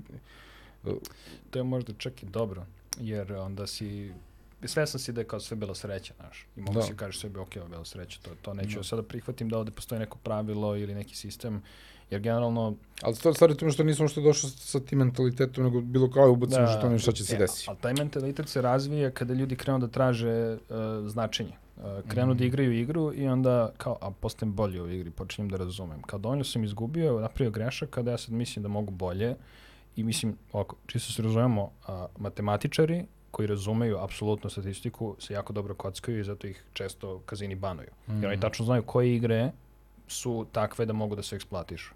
Ali Da, prosječan da. čovjek to ne zna. I prosječan čovjek krene da traži neka značenja, neka pravila, kao, e, ako uvek stavim na ovo, ja ću da dobijem, razumeš, kao, e, više, više dobijem nego gubim, znaš, i tako neke stvari. Ovaj, pokušaju da naprave, da nađu smisla u sistemu i onda to, to ulazi taj neki osjećaj kao samo zadovoljstva, u smislu kao ja sam, postajem, maj, maj, ono, razvijam neku veštinu u ovoj igri i ja ću sad kao, ja sad pazi, ovo su pare, znači ja mogu da ovoga da živim, razumeš, ja ću sad budem zajeban Da, da, da. i ovaj, ne moram da radim niko do života, samo ću se igram i da dobijem pare i onda se opeku. Ovaj, sad, na čast izuzecima, da. ali uglavnom se to tako završi. I to je u principu uh, jedna od stvari koja, koja, koje za igrice, na primjer, su bitne, a pogotovo za to kao kako da igrica ostane tokom, ne znam, celog svog, celog svoje progresije nekako zabavna, jeste taj neki moment učenja i otkrivanja. A, u principu, kada igrac tebi postane uh, potpuno jasna, uh, onda postane trivialna. I onda ti više Mm. ne vidiš smisao da igraš zato što ne vidiš ništa drugo što možeš da naučiš iz nje i postane dosadno. Evo, na primjer, uh, Xox. Xox Ma da. je igra koja je zabavna Besmislena igra. prvih tri puta kad je odigraš, kada Mm. kao klinac ono u dvorištu i nakon Da. toga skapiraš da postoji jedna jedina strategija. Da. To je takozvana saddle point strategija u game teoriji. To je takođe Mhm. optimalan ishod za oba, uh, za Da. oba igrača. Ovaj, I jednostavno da ne postoji smisao igrati nikako drugačije. Ovaj, na primjer, ja sam tu napravio jedan eksperiment bio. Uh, hteo sam da vidim, igrajući se sa pravilima Xoxa, koliko je potrebno, da kažem, neki koraka da ona postane igra koja više nije trivialna. Pa sam gledao, ok, a šta znači kad povećamo tablu? Da, ja sam to Pa, radio isto, da. Da, pa kad povećamo pravila. A, I onda sam uzao malo da varam. A, promenio sam pravilo za pobedu, koja više nije dijagonalno i horizontalno, nego da zauzmeš najviše što više polja na tabli, a, ali sam onda uveo pravilo koje kaže a, može da staviš, post, a, možeš da staviš na polje koje je kada ti, da, da ti figurica bude živa. Živa znači da se ortogonalno ne nalazi, ili nalazi njene figure, ili ne nalazi ništa. Mm. I ono, ivice su ti uh, uvek žive. Da. Uve, ivice su ti uvek žive, ako staviš to kao biće ti živi. Što znači da ako tvoj, tvog, tvoj simbol neko okruži, on se sklanja. I na taj način Mhm. kao može skupljaš. E, i sad poenta priče jeste, uh, u, kad uvedeš to pravilo, zameniš to pravilo iz igre, povećaš tablu na uh, 19 posle 19, Uš. i zameniš, uh, zameniš, da kažem, x i ox sa crnim i belim figurama, ti dobiješ igru koja dosta zvuči kao Go. Da, tako je. A promenio si samo, ne znam, dva pravila a, i dalje postavljamo jedan na drugi, dalje postoje dva simbola i dalje je u pitanju grid, a, samo, je, samo se razlikuje u tome, dodali, smo još jednu osobi- osobinu, tvoja figura može bude živa i mrtva i dodali smo to pravilo za pobedu, kao kako ti zapravo osvojaš. I od igre koja je potpuno trivialna i ono dosadna, dobiješ Da. igru koju kompjuter do, ne znam, pre 3-4 godine nije mogao da pobedi nikog, razumeš, u, u, u njoj. Da. Da, i to je samo zato što si igrao sa tim nekim fundamentalnim blokovima sistema, ovaj, povećao skalu, i promenio prostor, promenio pravila, promenio objekte ili tako nešto i na taj način to je jedna dobra vežba da kada imaš neki problem u igri, a, da probaš da bukvalno da se igraš, da skloniš nešto. Kažeš, okay, šta se desi ako ja sklonim ovo iz ove igre? Šta će onda Da. se desi? Gledao sam predavanje skoro na GDC, da li je na GDC-u Raf Koster, a nije na GDC-u, ne Ralph znam gde je bilo. Zapravo njegova knjiga je Theory of Fun. Uh, verovatno, Jeste, da. da. I on baš, baš priča o tim elementima, to je onako, pf, um, upravo to, imaš game sistem i šta se dešava kad se naruši balans toga i uvede se neko novo pravilo. Da. Lepo si objasnio to sa Go-om, koji faktički iz Xboxa dobiješ Go, mislim. Da, što je kao suludo, znaš, kao Da. da. bi nikad ne bi, ne bi rekao, ali zapravo i Go je vrlo jednostavna igra kad je pogledaš. Jeste, mehanika je vrlo... Da. Šah Basic, je ono kao da. daleko kompleksniji, Yes. imaš više objekata, nekih da, pravila. Svaki i, ima da, svoje pravilo, rolu. Da. Da, a opet dobiješ igru koja nije trivialna, gde, zato što ljudi u toj igri, ta igra da razbija tu complexity barijeru. Mm. A, jednostavno, iz tih jednostavnih pravila proizilazi toliko situacija da ti ne možeš više da ih pojmiš, kao ono, ne možeš više sve da ih sračunaš. I nekako Da, da, m- i učiš ih, da kažem, kroz iskustva. Kao, I takođe, on, mislim, kad, kad kreneš da učiš Go, ti učiš bukvalno paterne. Ono, ono, it's literally pattern recognitions. Da, da, da. Uh, gde ti učiš kako izgleda dobitni pattern za neku strukturu, kako izgleda gubitnički, kako radiš neke manevre i imaš knjige o tome i, i sve neke stvari, zato što su ljudi jednostavno našli taj sistem dovoljno fascinantni i hteli da uče o tome. da. Iako na kraju krajeva to to su kamenčići na tabli, Mhm. razumeš, i neke dve osobe koje odlučuju da svoje produktivno vreme provode radići to, Da, da, da. nekako nama kao ljudima to ima smisla, daje nam neku vrstu, uh, ono, uh, da kažem, izlaska iz svakodnevnih nekih problema. Jeste, jeste, jeste. A, I na kraju dana hrani nam zapravo a, osjećaj sposobnosti. A, postoji a, teorija samodeterminacije, ne znam si čuo Mhm. za to. Da, je- Sad, šut. Da. Ovaj, to, je, to je jedna teorija koja kaže da u principu postoje tri faktora koje tebe kao osobu čine srećnom. A, jedna je tvoja, um, tvoja kontrola nad tvojim životom, tvoja agencija, da ti radiš ono što ti hoćeš a, i što misliš da je da, i, da ono, što želiš zapravo da radiš, da ti niko drugi ne govori da imaš tu slobodu. A, druga je a, osjećaj sposobnosti i majstorstva. Mm. Da ti budeš dobar u nečemu i da budeš priznat u tome. Ili barem da vidiš a, ono, posledicu svojih, svog rada, da, da radi, da, da doprinosi nekako svetu i ljudima oko tebe. I finalna je, da kažem, osjećaj međuljudskih odnosa, u smislu da imaš, da nisi sam, da, da Da, imaš, imaš neki ljude, ranking, ranking da se uporediš sa nekim. da, da imaš ljude s kojima deliš iskustva, s, ko, s kojima stupaš u konflikte Mhm. ili, ili u pozitivne neke, da kažem, ono, uh, odnose. I te tri stvari, u smislu, ako neka od njih pati, postoji šans da ti nećeš biti srećan, nešto će ti faliti u Mhm. životu. Ako ti fali taj relatedness, bit ćeš usamljen. Ako ti fali agencija da, da nemaš slobodu, osjećaš se kao da nemaš kontrolu nad svojim životom i ako ti fali uh, osjećaj da kažem da ti dobar u nečemu, ti imaš osjećaj kao da si beskoristan, da ne prinosiš društvu, da ne umeš ništa da radiš. Da, da. I, ovaj, I igre zapravo ciljaju sva ta tri faktora jako dobro Mm. u okviru svojih sistema. Um, pogotovo i takođe i mobilne igre to rade, ali naravno i PC igre, mislim MMO-ovi, znaš. ono kao- Da, da, posebno. Ja znam ljude koji imaju više prijatelja u okviru MMO-a nego što imaju u pravom životu. Mm. Ovaj, iako to nije pravi život, drugim ljudima ako gledaju sa strane, čini se kao, igraš neke igrice tamo s nekim ljudima, da, brate, ali ta igrica je teška i zeznuta i ja sam dobar u toj igri, ljudi, drugi ljudi mi to, razumno, govore, ja, što ono, uh, ja radim ono što hoću, ja mogu da questujem kao god hoću, da raidujem što god, znaš, ono, mogu da radim, bukvalno imam sve stvari koje mi trebaju, Ove, ali naravno da to nije tako jednostavno kraj dana, moraš se vratiš da se nekako log offuješ, moraš se vratiti u život, tako da u životu čekaju iste te tre Da. potrebe. Ja znam ljude koji imaju, i to onako, znači mojih godina ljudi to ovaj, igraju, šta ova druga igra, Warhammer Online, jako dugo to igraju i uh, on, to su sve neki ljudi iz konce konopca, što bi rekli, iz sveta. I onda Mhm. se oni jednom godišnje nalaze u nekom gradu, da li je to Amerika, da li je to Evropa, Mhm. šta god, ali jednom godišnje se skupe, ne znam, na nedelju dana odu i tamo se vide, druže se tih nedelju dana, Ali kao van igre, u smislu ono... Van igre da, fizički otputuju tamo i bleje 7 Da. dana likovi. Pa da. Ne igraju igru. Da nekako u principu da te njihov Da. odnos u igri je prerastao u Da, jer pravi su životni stvarno odnos. ono, oni su nek, guild neki nešto što god da su i zajedno igraju i imaju razumevanje, dobru Mm. taktičku postavku toga da su uspešni u tome, jako dobro igraju, jako dugo igraju i jednostavno su u nekom momentu odlučili kaj se upoznamo. I onda je neko dolazio iz Amerike za Evropu i onda je bilo kao, možete, hoćete, ono, ne znam da li su išli u Štokholm, Kopenhagen, tako nešto, ne, ne, ne znam gde su bili i to sad, to je manje više redovno jednom godišnje nedelju dana, odvojeno za to. To. Sjajno. Do ja. Nešto što je potpuna fantazija postalo život. Da. Totalno ljudi potpuno različiti, različiti kultura, svega. Je lepota. Mislim, to je redko, to, Da. to ne verujem da je, da je baš uobičajena stvar, ali oni Da. su to tako organizovali i veliki respekt za to. Dobro, Jaka priča. Jaka priča. neka priča. Da, da. Ovaj, da, ali to sa ta tri pilara, to jest nisu ni pilari, nego šta god, opet sam slušao neko predavanje, to, a, Da. to je bilo na GDC, ovaj, iz Ubisofta, to pričao, ovaj, zaboravio sam kako zove, sa dugom kosom.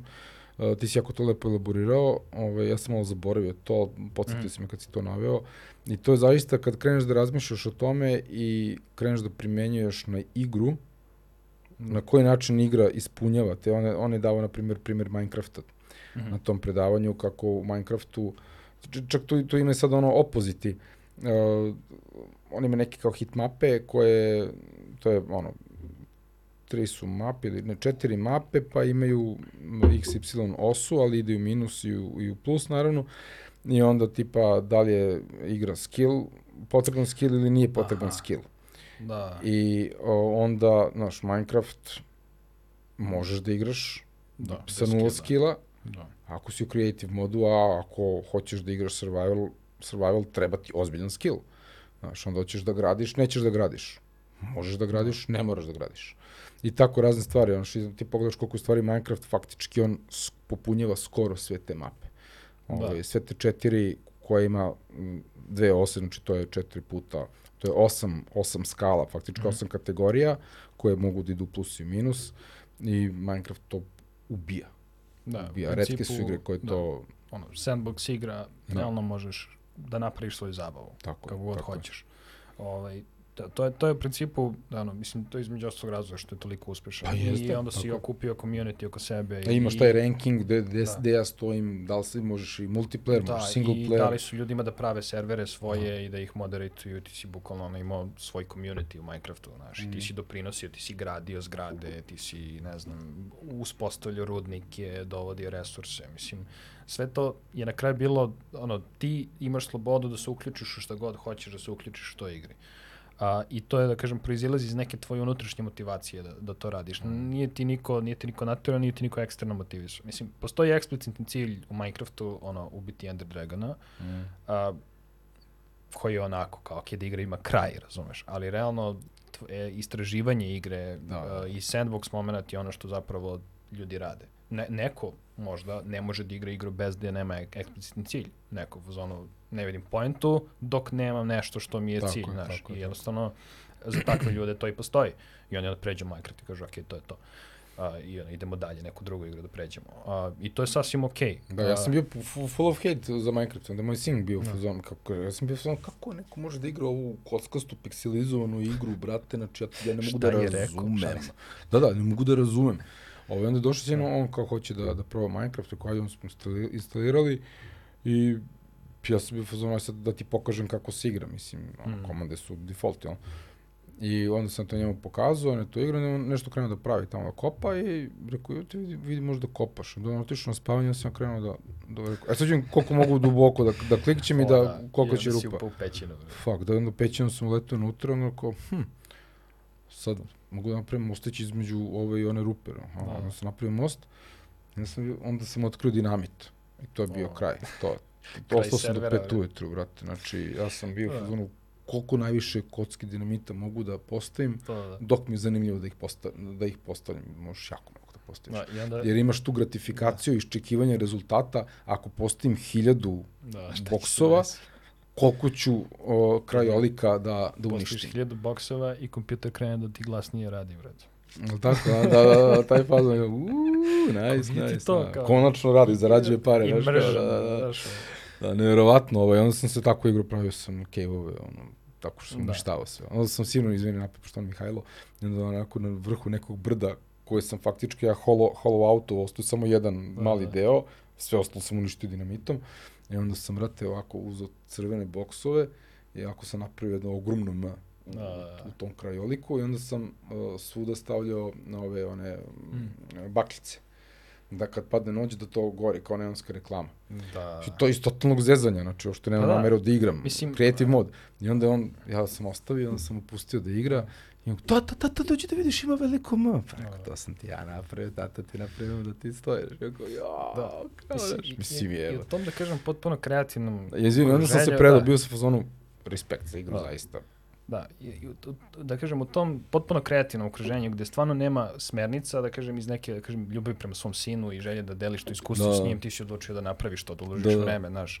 I to je u principu lepota igara Mm. u tom smislu jeste što stvarno dozvoljavaju ti da, da, da ono, pogotovo tih igara koje nisu koje su intrinzične u prirodi, u smislu Da. da idu na tvoju ličnu motivaciju, jeste daju ti da svoju ličnu kreativnost ili ljubav prema nekom ili nešto da ispoljiš a, i da prirediš nekom, znaš, ono, bilo da je prijatelju napraviš neki prank, da mu staviš, ne znam, Da, da, da. dinamit ispod ovoga, znaš, ono, ispod uh, utirača i onda da se on raznese ili tako nešto, znaš, ono, playfully, ono, da, da gradi odnos između ljudi. i Da, ovaj, onda sam, onda sam sinu isto, onda sam krenuo da pravim mini igru unutar Minecrafta, Mhm. uh, iz, u, to, u to opet pećini ispod tog slova M, koju sam ja Mhm. hollow auto, vel, dinamitom, i onda sam napravio jednu, rup, jedno vrata, samo stoje jedna vrata. Ali kada otvoriš vrata, u jako dugačak hodnik, jako dugačak mm. hodnik se napravi. Na kraju tog hodnika su dvoje vrata. A kad uđeš unutra su čestovi sa no, onim najjačim itemima. Mislim, on može da, da, da i da, sam da. ubaci u svet. Nije, nije, nije problem, ali rekao... Diamond sve. Da, rekao, rekao, Miki, idi nađi vrata. Rekao, kakav je vrata? Rekao, idi nađi vrata. Kao, potraži pećenje. I onda on išao, rekao, za ono mi ništa da uništavaš, nego isprati samo da vidiš. I onda Koliko on... ima tada? Pitan. 7-8. 7-8, Tako da. da. I onda on išao istražio, istražio, šta te našao sam vratar, rekao, dobro. Pa ovde neki hodnik, pa rekao, je li ima nešto na kraju hodnika? Pa ne vidim, pošto... mm, da. Debil, ti koliko sam ja da, tamo, osvetljio sam ga, da. znaš, ali, brate, ja sam po dugačkog napra. I onda on išao, ej, ima neka vrata, jo, šta je ovo, znaš. Mislim, da. Brate, Minecraft, ja. respekt, ozbiljan respekt za da. igru. Da. Ono, ne, ne, ne, ja imam interesantno iskustvo. Ovaj. A, ja sam imao komšija je imao a, sina jednog i onda često do, od, ono, zamoli da, da ga pričuvam i tako to i onda kao da mu dam neke igrice. Na primjer, on je za Minecraft bio baš mali jer njega su baš plašila ga je noć i ono, oni neprijatelji. Da, i kad ti do, ne. do, dođe ovaj, ovi Da. zombi i ostalo. Da. I meni ga kao se razmišljam kao, ok, koju igricu, ono što gledam svoj kompjuter, ono što imaš neka pucačija, neki roguelike, neki ono, heroji, razumiješ, ko stoje tamo, kao šta mogu da mu dam da igra, kao ja mu upalim portal. I upalim ja u Mm. portal, on je bio toliko zbunjen, jer je on bio toliko mali da je njemu bilo teško da pojmi kada je, kada napravi portal da je on i dalje u istoj sobi. Da, da, da. Njemu je svaki put bilo kao, "G- gde sam sad, znaš, kao, iako je on postavio ovo portala, kao, kao, šta je sad ovo, koja je ovo prostorija, znaš, i to je isto bilo vrlo fascinantno gledati, znaš, ono, ja sam kao, ok, i za ovo si previše mlad, kao, sad Da, ću da, da. nađem nešto, razumeš, znaš, Da, da, kao, da, da, da. A mislim, zapravo, mislim da na kraju mu je bilo zabavno da tako igra, ja sam bio zvon, ok, igraj, razumeš, Da, da. iako nije prešao nivo, razumeš, da sam po sobi, ali ga, šta je to je. O, tako da, jeste, a, ne znam, mislim, čitao sam neku knjigu uh, Rules of Play, mislim čitam je, ona, ona je Mhm. nekako enciklopedija uh, dizajnera, jer stvarno ima gomila nekih tema i čitanje je onako kao da čitaš naučnu literaturu, silabus, razumeš? Da, A, I oni se vode tom nekom, a, referenciraju neku knjigu koja govori da nam je to zapravo urađeno kao, ono, mislim, ono, živim bićima, u smislu da a, ta priroda da se igramo, da, da, da, da pravimo neke te veštačke sisteme i da u okviru njih, ne znam, stavljamo neka arbitrarna pravila da se testiramo na taj način i da je to nama kao inherentno interesantno. Ovaj, I gledajući decu, decu kada ono pustiš da se igraju, oni rade neke nasumične besmislene stvari. Mm. I sad kao razlika između igranja i igre jeste što igra ima jasno definisana pravila, a samo igranje može, ima fleksibilna pravila, ono, fluidna, ne znam, ono, uh, igramo žmurke, pa onda žmurke bude ono, ne znam, e, puzeka iz daleka, pa ovo, Da, pa ono da. pokrenu da izmišljaju neke stvari, znaš, ono, da, da dodaju na ta pravila, Ove, ili jednostavno, ne znam, igraju se mašte, puđu u raketu, pa oni ide na svemir, pa neki da, da. scenariju rade. I kad pogledaš, mislim, bolje pogledaš neke životinje koje se igraju, kao simuliraju lov, kao mi to kažemo, to Mhm. rade, znaš, kao majka sa detetom se igra, majka zna da lovi, dete ne zna, onda ona kao uči dete da lovi, a ono, znaš, igraju se pa neće da se povrede ozbiljno i tako to, što znači da oni imaju tu neku sposobnost da da, Učenje da, se- kroz da se uzdrže, da, da se nekako odvoje od realnosti, da, da, da Mhm. razdvoje te dve akcije i da, da prihvate tu neku kao besmislenu akciju, znaš. Ovaj, i, I da kao generalno to nazvoje kao čoveka homo ludens, kao čovek igrač, kao taj neki fazon, da u principu, da je to nama svima inherentno i nekako kad pogledam, mislim, ja lično, sam bio izložen ceo život igrama, ono kao od, od igranja kanaste sa, sa babom i, Da, da, da. i, i ne ljuti se čoveče do, ne znam, igranja u dvorištu, ne znam čega, ono, 10-9, Mm. mm. ovo ono, do, ne znam, ima, znaš, ono, i lutriju imaš, ono, si kupi, ne znam, kupiti, ne znam, Da, da, da, da. nešto tako Ja slično. sam obožavao 1, 2, 3 sa utićima da crtam.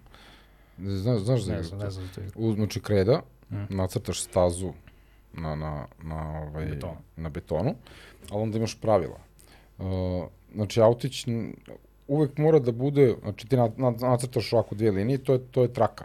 I Mhm. guraš autić 1, 2, 3. Onda drugar dođe, pa gura on 1, 2, 3. a, čukne ono kao. Da, imaš tri poteza da, da gurneš autić, ali ključ je u tome da autić ne, e, ne sme da izađe van Mhm. staze. Znači, auto, e, on je, zavise kako se dogovorimo za pravilo, neko opšte pravilo je, dokle god on jednim točkom stoji na liniji, nije izašao napolje. Ili možda napraviš pravilo, ako jednim točkom izađe napolje, gotovo. Ili sa dva, znači, to, to je sad kako da, se dogovorimo. Kako se dogovorimo. House Ovaj, rules. da, otprilike, da, house rules, ali otprilike je varijanta da ti jedan točak stoji Mhm. na liniji, dokle god stoji unutar si igre, pa onda možeš da ga... Ne, ali onda imaš, na, nacrtaš ovaj, du, kao ravno, ali onda ovako i šrafiraš, znači izvučeš. To je most. Mhm. On mora iz jednog poteza da se pređe. Znači ne smeti ako Pa auto nove objekte ostane, u igri, da. Da, da, da, vraćaš na početak mosta. E onda, kako ide staza, onda ubacuješ spajkove, gde više ti faktički smanjuješ širinu staze. Da, I onda ti sad moraš oko spajkova, znači, znaš, ako idu ovde, ovde, ovde, znaš, onda dodaješ krivinu, brate, Je li ajmo ovo sad bilo krivinu. inspirisano nekim možda video igrama ili tako nešto? Ne znam, pazi, to, to je jako, jako, jako davno bilo. Znači, Da. ja sam to, možda sam imao 5-6 godina, kad smo Da. se igrali toga. 5 godina, recimo. Baš smo, baš smo mali bili. interesuje kako to padne na pamet. Ne znam, mi smo samo videli da, da, da, mislim da smo videli od starijih, ovaj, da su to igrali, ali od starijih Da, drugara, da. ali to je opet neki prvi razred možda, znaš, drugi, jer- treći. Mislim, dešava se ono kada... ceo blok je bio iscrtan Da, da. stazama za on, on, sam- on, pa, pošto sam ja megaloman, Mm. onda ja izađem napolje i crtam stazu dva sata pre nego što svi izađu napolje. Onda kad svi izađu napolje, mi imamo nenormalno dugačku Idi- stazu koja idi kući, suvija, donesi koja ide. i Autić inače, inače pali, razumiješ? Da, da, da, bukvalno, bukvalno. Ne, ne, nevjerovatno. Ovaj. Ali eto, viš, i to to, to je game design, realno, brate. Da, i mislim, Da, generalno svi hmm, smo fuck. sposobni za to, Da. ovaj, znaš, ono, da pronalazimo zabavu u Mm. nekim stvarima i onda kao, kada sedne više ljudi, onda mora se postaje pravila, mora bude fair, Da, znaš, da. mora bude svima on to neko, ono, razumevanje šta je fair, šta nije fair i onda se kao postaje, neka- i onda krenu pravila, pravila malo da smrde, neko krene da ih eksploatiš i onda kao ne može to više, Da, znaš, da, kao, ne smeš to više da radiš. Da, onda je Ovaj. bila je bomba, znači nacrtaš kao na, na, na, na putu, nacrtaš uh, pravogonik faktički, to je kvadrat i onda njega ovako six. To je Mm. bomba. Sad zaboravio sam koje je pravilo. Da, ne, ne sme auto da ti ostane na tom. Znači moraš da ga pređeš. Da, da, da, da. Uh, I ako ti ostane, vraćaš onda početak, šta? vraćaš se, e, da, ali sve vreme e, crtaju se checkpointi. O, imali ste Ali pazi checkpointe. checkpoint je, to je sad, to, to je checkpoint, ali nam je to bilo kao, znaš, ako je staza, onda nacrtaš ovako jednu dugačku liniju i Da. onda kako, kako staza, Mm. što je dalje igraš, a, ti checkpointi, razmaci između checkpointa su se povećavali. Da, da, da. Znaš, i onda je bila fora kao, Znači, jebi na, ga. napravili ste neku vrstu... Pazi ti to, čoveče, ovog, da. Ovog, kako se to kaže, negative feedback lupa, u smislu da nekog ako, ako, ne znam, pukneš da ne odeš skroz na početak, Da, da, da, skroz na tako je, početak, tako koji je. drugi je pobedio. I onda Jeste, kao ste jeste, pomerili malo nazad da čisto bude i dalje zabavno. Da, da. Bil, bilo je dosta tih nekih elemenata koji su se ubacivali. I to su vratno ljudi, ono, svi koji su igrali bili, ono, je, ovo, ovo, naš, kao dodaju. Kao, Da, no, non stop je to, da, da. Kao, I svi složite ok i napravite, pa, pa potpišete pravilo i napravili ste igru. Fascinantno, mislim. Neverovatno. Magični krug igre Da. je meni mnogo, mnogo interesantna tema, Mhm. ovaj, koja mislim da je onako dosta filozofska, kao kao zašto mi sedimo ovde sada i igramo šah. Znači, ono, neko ko prolazi tamo koji nije vidio šah u životu, vidi dvoje osobe koje ako pomeri figuricu, on se jedno uhvati za glavu, fuck, drugi da, krene se smeje, razumeš, znaš, i kao, kako bi toj osobi objasnio šta se dešava, znaš, kao, Da. njima bi bilo uzmano kao, ovo je glupost. I generalno mislim da to razlog zašto ima bilo, bilo dosta predrasude. Mislim i dok sam ja odrastao i vjerojatno i ti još, još gore kao prema igricama, znaš, jer jednostavno odrasli nisu to razumeli, nisu htjeli uopšte da uđu, Nisu, da. mm. da uđu u to, a vjerojatno su imali svoje neke predrasude, u smislu tvoje video igrice nisu okej, ali moj preferans je okej. Zato što, znaš, a onda vjerojatno njihovi roditelji su bili u fazonu kao šta igraš te karte, ne znam, ovo, idi moli se u crkvi. Da, da, da, kao- to je fazno, da, bukvalno, Da. bukvalno, bukvalno, da. A, I dok god neko, znaš, ne napravi taj korak da uđe i razume, ovaj, ta predrasud će, će uvek postojati. Mhm. A, i, ovaj, I generalno, kažem ti, da kažem, to je taj, magi, taj, taj magični krug, to je isto, isto termin koji se koristi igrama, to je to da mi smo obavezani pravilima tog kruga, znaš. Ako razumeš, ja igramo šah, ja uzmem i oko samo čvrknem oko tvog kralja, ti ćeš da se iznerviraš. Što, što, Da. kako, kako se ti ponašaš, ono, kad ne možeš tako da se ponašaš, znaš. Zato što sam tu prekršio pravila magičnog kruga. Da, da. Ovaj, izbacio sam nam se iz te priče. Ovaj, tako da, ovaj, čudno je, znaš, ono, prave emocije ti proizilaze iz nečega što je potpuno veštačko napravljeno, razumeš, ispred Da. tebe. Da, meni, meni je fascinantno mala deca kad uzmu da se igraju sa šahom. Znači, ne da ga Mm. igraju, da se igraju sa šahovskim figurama. I sad ti njima pokažeš kako treba se, Mm. da se poređuje, oni sad nauče to, recimo, u nekom momentu. Ali sad dalje od toga ti im pokažeš kako ali njima to brzo dosadi i odmah hoće da eksperimentišu. I sad kaže, ja ću to pa da sad pošaljem tamo na kraj. I onda vidiš kako oni sami krenu da, da, da petljaju sa tim figurama, da tripaju ne, vam pravila, vam bilo čega. Da. Uh, to vrlo brzo dosadi jer nema mehaniku koja će da održi igru, ali njima tu tom momentu kakva pravila, Da, sad ću ja sam da... Da, njima je to nešto novo, znaš, da. i dogod je novo, dogod je inovativno, a, zabavno. je. Mm. Kada, kada vidiš da se ne dešava ništa interesantno i ne proizilazi nešto novo iz toga, krene ti bude, bude dosadno. I Da. kažem, to je to i onda oni krenu da bacaju figure, jel te, pošto su Mm. ono, unrestrained, vide da to više nije zabavno, da vide da kad baci figuru, on će samo da ode tamo i da ostane da leži. Da, I to je to. Ali onda kad krenu posle da igraju šah, i onda vide da ja pomerim figuru, pa onda ti pomeriš figuru, pa se stanje na tabli pomeri, pa onda ja pomerim i eventualno na trenutku neko od nas pobedi. Ovaj, I to onda postane fascinantno, onda si ti uzmano kao ću ja sad da pobedim. I onda kreneš ti da učiš kako da radiš. Mhm. I, I, mislim, i, i to je to. I dok god učiš, teoretski, trebalo bi da ti je zabavna igra. I Da. u trenutku kad prestane igra da te uči novim stvarima, velike su šanse da, ili, mislim, ili ćeš ti naći svoje izazove i onda postaviti sam sebi izazov, kao, ok, ajde da igraš šah protiv njega, ali ću da izbacim sebi topove, razumeš? I onda kao budem zonu, ajde da vidim kako ću ovako da pobedim, jer ovo je nešto sad novo za mene, znaš, kao, Da, da, ne, da, ne da. znam da postoji uopšte pattern gde, gde, gde ovo može se razreši sa mojom pobedom, hoću da ga otkrijem. Ovaj, tako da ljudi im sposobni sami sebi da kažem da, da dublje. Mislim, to okej više nije formalno šah, znaš, to je sad neke varijanta da, da, da, šaha, da, da, znaš, da, piratski šah. da, neki kao modifikovani šah. Mhm. A, I, mislim, imaš takođe pravila koja, razu, na primjer u Go-u, ako si ti mnogo bolji igrač od mene, i ja ću da, to jest ti ćeš dobiš hendikep, ja ću postaviti četiri svoje figure na, na tablu. Mhm. Zato što se nekako, razume se da ako je skill gap previše veliki, igra postane trivialna. Zato što će Da. bolji igrač uvek da, bukvalno vidjet će kao velik pravi glupe greške, bit će im Mm. dosadno i ovaj samo će da te zgazi. Uh, I onda su onda uveli to pravilo. I onda kao koliko ja mislim da sam bolji od tebe, ja ću tebi da dam toliko, toliko hendikepa. Zato što će onda Da. igra meni biti interesantnija. Jer ti startuješ sa mnogo, znaš, ono, mnogo već prisustvo. Da imaš manji skill, ali si jači, a ja Da. imam veći skill, slabiji sam, ajde da Da, vidimo, da. Da. I ovaj, mislim, sad naravno, ako neko prvi put igra go, neće ti neće to pomoći puno. Da, da, da. Ovaj, ali svakako imaju, i zapravo imaju formalizovan taj rank uh, u Japanu. U smislu, ako imaš zvaničan rank, to je mm. bukvalno ono, kad sedneš da igraš, to je to. Znaš, ono, moraš, ti si taj rank, ti si taj rank, ti dobiješ da postaviš tri, znaš, i možeš ih postaviš da god da, hoćeš. Da, da. I, ovaj, I onda na taj način oni se kao niveli, nivelišu. Ovaj, što je opet nešto što ne proizilazi iz formalne igre, nego nešto što je zapravo proizilazu iz društva. Znači, mm -hmm. kada mhm. se čovek uključuje jednačino, ovaj, znači, ne, da nekima ne matematički šta je igra, nego kad je došlo dve osobe da igraju pred drugim, oni su skapirali na osnovu svojih interakcija da tako neki sistem mora da postoji. Oni su da. izgradili efektivno meta da, sistem. Da, normal, za normalizaciju da, gameplaya. Da, da, napravili su meta sistem oko toga, znaš. I onda kao zapravo kao tehnički go ima metu, znaš. Ono, da, zavisi da, koji smo rank, zavisi koji ti je MMR, ja ću da dobijem neki bonus na početku, ti nećeš. Ovaj, I onda nakon toga onda imaš šta za turnir, znaš, kad igraš turnir, e, drugačije potpuno, znaš, možda izgubiš neki meč, a neki drugi možda dobiješ, tako da ti ne, ne bude uvijek cilj da pobediš, znaš, možeš da igraš pa da se meri kao koliko si izgubio, pa da ti to, i onda ti onda, na primjer, jedan trenut kapiraš da gubiš i onda probaš samo da smanjiš svoje gubitke, znaš, kada bi inače samo odustao i rekao izgubio sam, znaš, jer to onda dodaješ jedan sloj na igru koji sada, daje ti drugi izazov, ok, izgubio sam, ali i dalje mogu da pobedim ovaj, ovaj drugi sistem da, koji je da, vezan da, da, za igru, znaš. Ovaj. I to generalno mi gledamo da radimo, kada, kada radimo uh, na Violis Questu, jeste, pokušavamo da imamo, da kažem, core gameplay, koji je, ovaj, kažem, uh, marble shooter, no. uh, inspirisan PopCapom Zoomom, ovaj, gde mi pokušavamo da ne, ne, ne raščlanimo, da kažem, ne nekako da fundamentalno promenimo, nego samo da gradimo na to neke, da kažem, dodatne ciljeve i dodatne izazove koje možemo prezentujemo igračima. I oni igrači koji su već ono majstori zume, onda oni vide te nove izazove koje mi postavljamo i onda kažu, ok, ok, aj sad, sad, da aj sad probam da. nešto drugo, aj sad malo, malo će biti teže, ali mislim da ja to mogu i onda krenu da ne znam da pravi neke komboje, a, krenu da ne znam pucaju kroz neki capove, da rade neke specijalne stvari jer su zon želim da ma maksimalizujem svoj skor, želim da uradim ovo, želim da uradim ono, ali fundamentalno Zuma i dalje tu.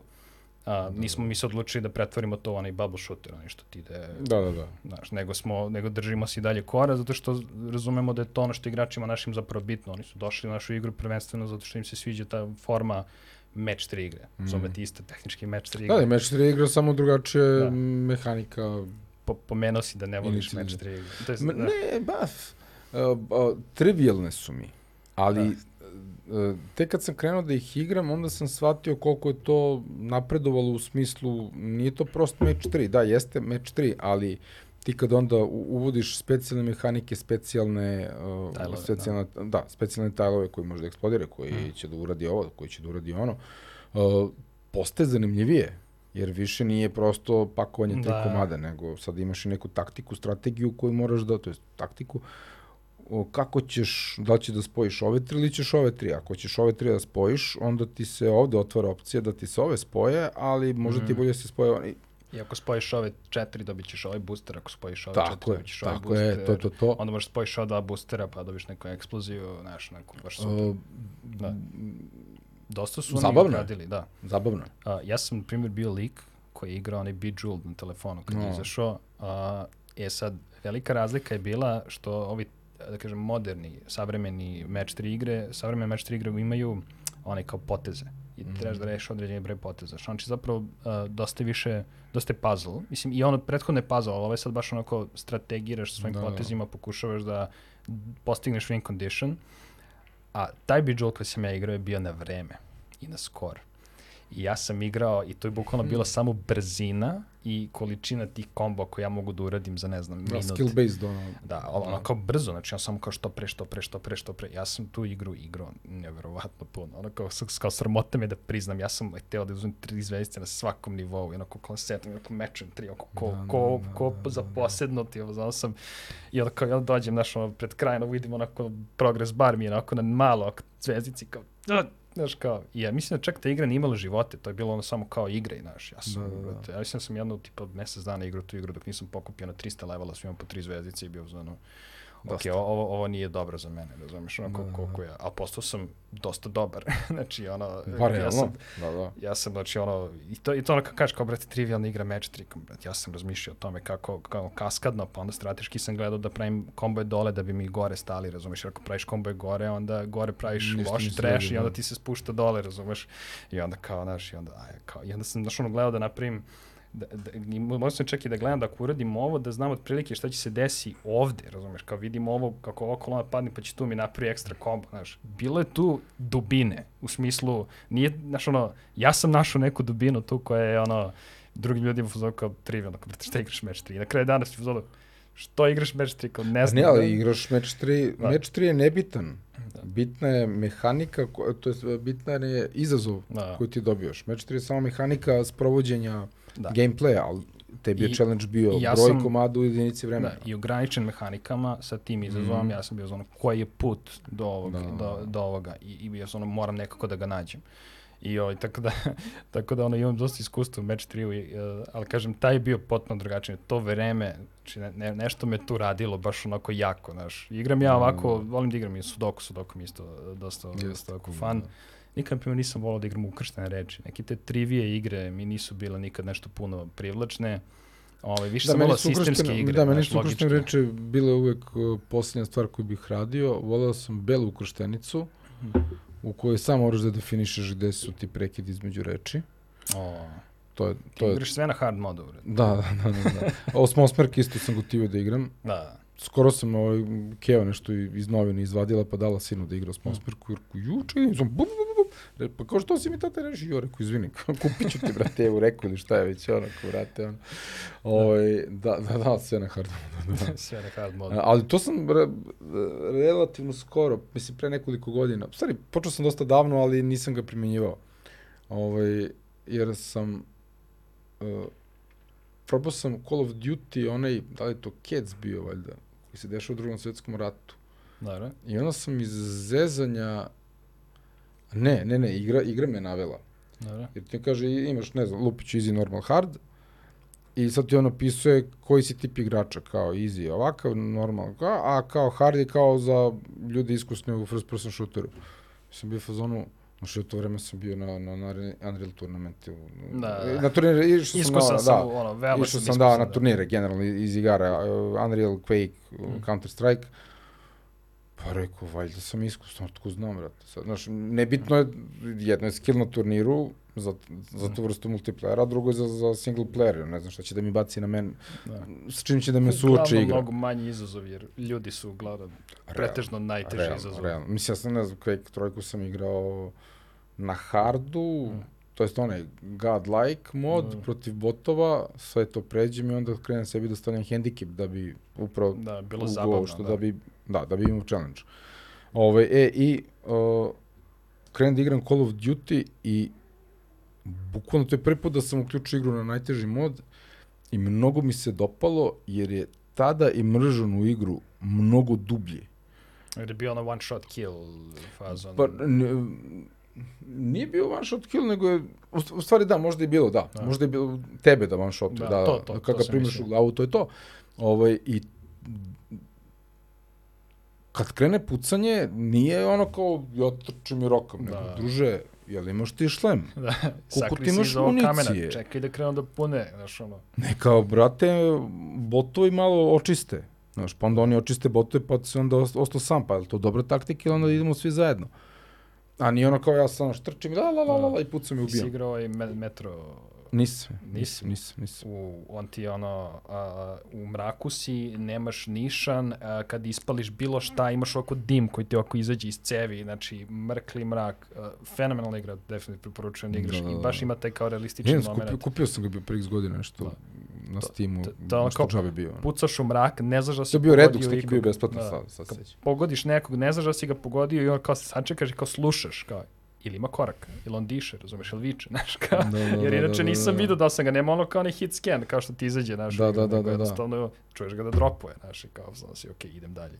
Nice, nice, Da. nice, da. Ovaj, da, i odigrao sam taj Call of Duty, onda sam posle bio u fazonu, mm, nisam to primjenjivao, jer sam, uvijek- sam se plašio, Hm. da, plašio sam se da igram igru i da dođem do tačke da ne mogu da je prećem. Da, I onda, brate, kao moram se onda sve sad iz početka na, na slabijem nivou. Postoje određene Aha. igre koje ti ne dozvoljavaju da, da menjaš u toku igre težinu. I onda kao jebote. I onda sam skapirao u stvari da su igre napravljene s igre na, na teškom nivou. Dark Souls nisam igrao i ne znam da ću ikad igrati jer mi taj level mazohizma možda ne treba, a možda Dark Souls baš igra za mene. Ja mislim da je baš igra za tebe. Ne znam.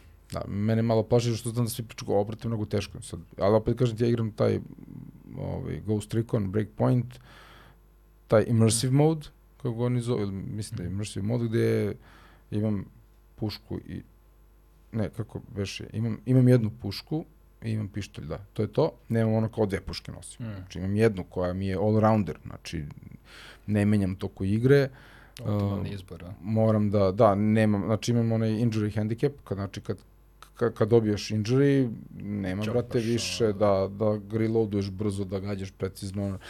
I ključ u tome da je kontrola, kad igraš u tom modu, je kontrola situacije. Dokle god je situacija pod tvojom kontrolom, nema frke. Znači, Mhm. jedan, ono, tri metka njemu u glavu, on je gotov, ili jedan. Ovo, ali isto tako je to i tebi. Da, da. On, I u momentu kad izgubiš situaciju, to je game over. Znači, oni te ubiju i moraš ponovo da, da, da krećeš. Jer je jako teško. I dokle god ti kontrolišeš, prilaziš bazi protivničkoj iz daljine, pa skidaš ih jednog po jednog, pa taktički to, a?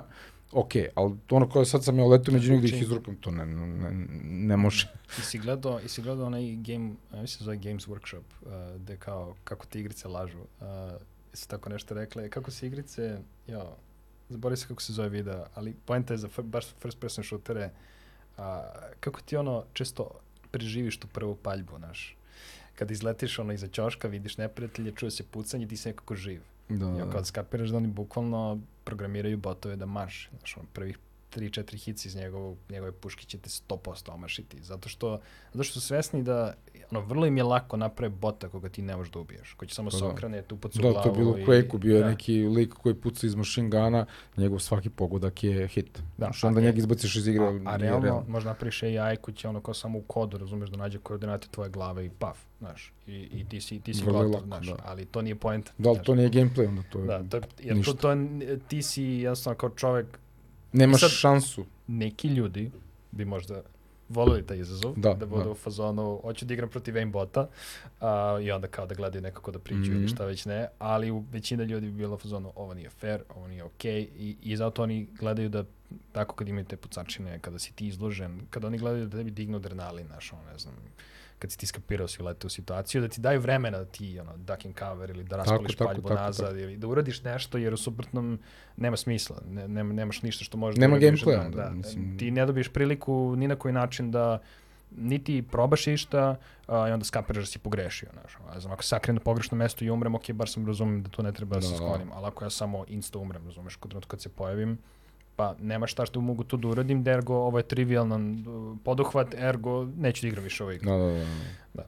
Tako da, ono, Da, ja, ja sam iskustvo u Quake-u kad sam igrao protiv profi igrača. Mogu Takvo je da iskustvo, kažem, manje da, više. Tako je iskustvo. Ja sam se njima ušunjao Da. na, na server, njih dvojica su došli, ta igranica da sam radio, njih dvojica su došli da igraju, nedelje popodne nema nikoga, rekao, brate, da malo ću da igram counter, ovo vidimo, oni ključili Quake, a tad nisam igrao Mhm. bi sam Quake, pff, pucačina, pff, kako sranje, brate. Tad sam igrao, ne znam, Baldur's Gate, tad sam bio Da. RPG, to sam se ložio i kao counter sam igrao silom prilika, pošto sam volao Half-Life mi je ona, Mhm. jedna od omiljenih igara, ako ne i, i onda kao, ajde, counter je bio pri, prirodno proširenje i oni, brate, igraju Quake, rekao, jebate. I rekao, sad ću ja da, da im uletim na server, brate, sad ću da im pokažem. Ja uđem, i, brate, pucam ja na jednog, ništa on prolete, brate. Evo ga drugi, ja na njega rokam rakete. Ništa, brate, ignoriš me. Rekao, brate, sam ja u mapi, čoče, ja na serveru. a, da, Znaš- da, znam to iskustvo. I onda, tako sam njih tu smarao, ali bez Da. postadica nikakvih. I u nekom momentu ja jednog roknem, jer je on ostao na nešto super malo helta, Da. ja sam ga slučajno ubio. I ja, kad su njih dvojice krenuli mene da, lo- da love po mapi. Ali to nije bilo lov po mapi, nego ja se sponujem Mrtvo. mrtav. Sponujem Da. mrtav. Bukvalno, znači, samo mi ide, ono, vi, vidim, brate, ne, čak ne railovima, nego ovaj, roket u glavu. I odmah se, Ovaj. pošto nemaš armor, Ja sam ušao bio pre, izmaltretirao, Da. brate, izvinite, momci, kao, sorry što sam kako jebi pre, pre par godina sam bio kao skidao Quake 3, sad ima neka, valjda, da li je tad moglo, pre nego što su ugasili one piratske servere ili one peer-to-peer Mhm. servise, mogo si da igraš kao Quake 3 sa, jel ti ljudima Da. koji dalje igraju Quake 3. Znači to kao, dečko, kao, aj vežba je do 10 godina, pa Da, mi da, da, da, da, zato što je da. bukvalno bilo, ulazim i to sam ušao na onu railgun mapu, onu svemiru, znaš, ti imaš onaj railgun tamo DM17, daleko. da, da. Znači, brate, ono, to, to, To to, je to, je, to, je to iskustvo, da- sponuješ se i u trenutku kada, kada ti nekom uletiš u vidokrug. Znači, ono, Da. kao on je upucao tebe i, i ono, sad je ugledao mene. Znaš, i kad je ugledao mene, ja sam mrtav. Ali znaš šta se dešava? Znači, on, on tebe ne mora ni da vidi. Da. Znači, ti ćeš ovde da se sponuješ, ali on je, on će proći ovde kad ćeš ti umreti, jer je on, on je samo uradio ovo, mišem, samo flikovao. ispalio je, bacio je roket, nisi se sponovao, on zna da je to Da, spawn point. Samo Možda će, da, on ispali naš spawn, spawn, spawn, ispali rakete i on ide dalje. da, ili te prostreli samo railgunom. Da, i ti, kokni, da, kad se sponuješ. Da. ali roket je odličan za to jer ti bukvalno ono, prezasitiš sve spawn pointe roketima i Da, f, Naići ćeš na sam- jedan. Uspeo sam jednog da ubijem i to je bukvalno bilo tako što, ono, gledao sam da se sponujem i samo sam odmah flikovao i pucao, razumeš? I pošto je railgun to ono ubio odmah, znaš, i tako Da. uspeo sam jednog negde u prolazu da ubijem, ali onda sam umro sekund nakon toga, Da. I nema skakanja, znaš, ako si gore na platformi, nema, nema, nemoj da skačeš, brate. Da, znači, da, samo da. padni dole, nemoj da skačeš. Ako Jer- skočiš, samo će machine ono. gunom. Ne, samo machine gunom te istera, brate, s mape Da, i ideš u mi. Ili isto tako je bilo, ne znam ako skočiš. Na toj mapi kada, kada skočiš po taj railgun. Po rail, da. On samo te malo pogura, brate, machine gunom, ćao. Da, samo- Ili ne daj Bože Samo ako svira, ako trenutno primjer je